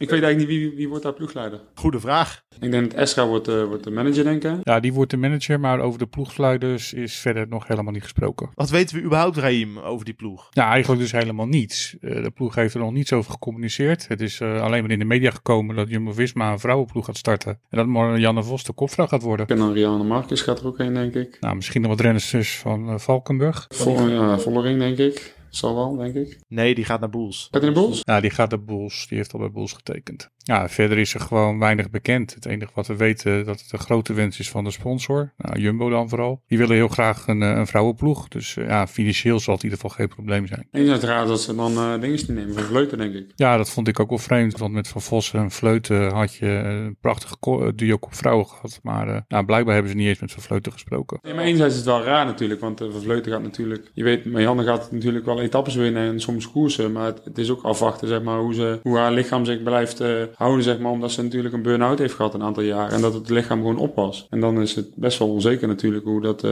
hoe, ze, hoe, de- hoe, hoe zij er eigenlijk nog ontwikkelt, zeg maar, de komende jaren. Ja, ik vond haar dit jaar al heel erg sterk. Ja, nee, zeker. Ze heeft het fantastisch gedaan in Giro. En hopelijk nu in de klassiekers ook, want dat zou, zou fijn zijn. Nou, ik vond haar vooral op het WK goed rijden. Ja. Zij was toch de aanstichter van eh, de aanval van eerst van Vleuten en daarna die van Van der Breggen. En ze wint uiteindelijk ook nog een sprintje van het peloton. Ja, ja, klopt. Maar ik begrijp de keuze voor Vos. Hij is de grootste Nederlandse eh, wielrenster die we gehad hebben. Maar ja, ik ben gewoon eh, heel benieuwd wat er nog bij komt. Eh, ik hoop dat er snel nieuws is. Ja. Maar ik vind het wel goed voor de ontwikkeling van de sport dat een eh, grote wielerploeg als Jumbo-Visma ook een eh, vrouwenploeg start. In hoeverre is het voor jou dan anders dat, eh, mocht Marianne Vos bij jouw ploeg vertrekken, dat je opeens niet meer samenwerkt met de grootste wielrenster alle tijden? Misschien ja, samen met Leontien van Moorsel misschien, maar los van die discussie. Nou ja, enerzijds is het jammer dat ik... Vind, ik- vind ik jammer. Ik bedoel, ik ben Marianne, met Marianne bij dezelfde club gefietst vroeger toen we als jeugdrenners begonnen, zeg maar. Dus dat eh, is jammer. En het, ja, het is een supergoeie renster. Maar ik denk dat voor heel veel rensters eh, in onze ploeg, zeg maar, wel een, eh, een verademing wordt, denk ik. Dat ze een keer voor haar eigen kunnen gaan koersen. En dat we op een andere manier, zeg maar, de, de wedstrijden ingaan. Omdat we, ja, als we nu naar een wedstrijd komen, dan wordt er altijd eigenlijk gewoon gezegd van... eh, vandaag gaan we voor Marianne rijden of voor Ashley. Of, dus er zijn heel veel meiden, zeg maar, die, ja, die nog kunnen, ja, die nog kunnen, kunnen bloeien, zeg maar. En heel veel dingen nog kunnen ontdekken. En, en op een bepaalde manier uitslagen voor zichzelf kunnen rijden. En misschien ook heel goed kunnen worden. Ze zijn al heel goed, alleen nog beter kunnen worden door, zeg maar, voor zichzelf te koersen. En ja, die kans krijgen ze niet als Marianne, zeg maar, er bij ons zou blijven. En eh, dat vind ik enerzijds mooi aan die ontwikkeling. En enerzijds vind ik het jammer natuurlijk, omdat je, dat je met zo'n renster natuurlijk heel makkelijk mooie koersen kunt winnen. Dus, eh, maar goed, dat is niet anders. Ashley Moorman gaat ook weg, toch? Ja, voor- ik weet dat ze weggaan, maar ik weet niet waar ze naartoe gaat. Ja. Zullen we naar het voorspellingsrondje, Raim? Ja, dat wordt wel tijd dan.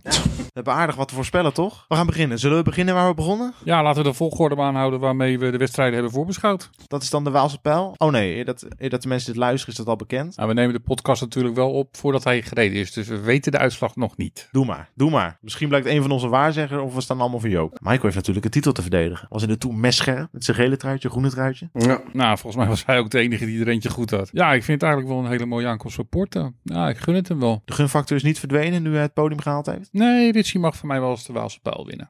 Ja. Michael, Lars is de gast, dus die mag als laatste. Ik doe denk ik weer Mark Hirschi. Hij rijdt- gaat hij rijden, ja? Ja. Als jij, als jij het zegt, komt het er zo overtuigend uit. Ja. Hij rijdt wel heel goed de laatste weken. Als we het dan toch over jong talent hebben. Ja. Ja. Als je een sprint niet moet rijden, dan moet je het doen zoals de tweede etappe. Maar goed, voor de rest... eh, Nou ja, hij reed er veel te ver achter natuurlijk. nee, ja, je liet dat sprinterschat was veel te groot. Maar ook als je zo'n sprint rijdt, dan wil je gewoon... Als je zo snel als, als hem bent, wil je gewoon als eerste aangaan. Want dan heb je gewoon eh, al een paar meter te pakken. Ja, precies. Daarvoor deed hij eigenlijk alles goed. Ja, dat klopt. ik ga wel mee met Hirschi met, eh, met Michael. Is dat om even makkelijk vanaf te zijn? Ja, want ik zou niet weten wie er aan moet starten. Nou, je hebt nog Pogacar als keuze. Ja. Ja, kan inderdaad. Amsterdam Gold Race? Ehm, Ja, Paul Martens. Hè? Ja. ik zeg gewoon Tom, maar dan Dumoulin. Want ik denk dat hij ons gaat verrassen. Ja, ik denk echt dat hij aan het verbeteren is en eh, dat hij de grote verrassing wordt. Nou, hij- had Amsterdam Gold Race gewonnen als hij wel het spel niet had gereden. Nou, ik denk toch niet dat hij hem uit gaat rijden, dus ik, eh, ik doe Tom. Michael? Hirschi? Nee. Ik denk eh Kwiatkowski. Ik zou het niet weten, joh. Ja, Mathieu rijdt natuurlijk ook. Mathieu, doe maar Mathieu dan. Yes, hij heeft het eens een keer niet voorspeld, maar eh, de Giro doe je wel. Eerst Luik Bas naar Luik. Roglic, hè? Pieperibbels. ja, dat komt er heel overtuigend uit. Je, er is nog niet eens een startlijst. Ehm, doe maar Wout Poels, die gaat op herhaling. Helemaal hersteld? Maar Luik is, Ja. Luik is ook een monument, toch? Ja. Dinges is gemo- geen monument dan. Ehm Ja, Luik noem je net ook op. Lu- ja, Loen nog wel. op. ja, Ja, ja. klopt, sorry. Ja. Luik en Lombardije. En, eh, Ja. Nou, ik zie er verder echt gewoon nog helemaal geen namen bij staan. Ehm alle verliep zal er waarschijnlijk wel starten, maar nou, ik hou het op Poels. Dan ga ik voor eh, Tom Dumoulin. Nou, origineel, die hebben we ook nog niet gehoord. Nee. nee. Giro? Daar is een startlijst van. Dan gaan we, nee, dan gaan, maar dan gaan we het moeilijk maken ook. Podium wil ik horen. Oh, je In de goede volgorde of voor een drie namen? Op drie Simon Yates. Steven Kruiswijk wordt tweede. En de winnaar wordt Vincenzo Nibali. Zal ik maar dan Yates 3, Thomas 2, Nibali 1. Ik ga voor Nibali 3, Thomas 2 en Fuglsang 1. Oeh, verrassend. Nou, ik, ik ga voor Vogelsang 3. Ja, nou, Nibali is de onbetwiste nummer 1 bij mij. Ja, dat had ik eigenlijk ook, alleen dat zei hun al. Ja, oh, daarom zeg je het niet. Nee, Mag gewoon hoor, Michael. nee, nee, ik blijf bij mijn... eh, zijn er twee nog. Oké, ja, nou ja, dan zeg ik gewoon Stevie. Zijn we dan doorheen? Kijkklassiekers zijn toch te ver weg? Maar dat is gewoon drie keer Wout van Aert, toch? Nou, makkelijk. Nou, twee keer Van Aert en één keer Mathieu. Ja, die wint de pannen dan of wat? Oh ja.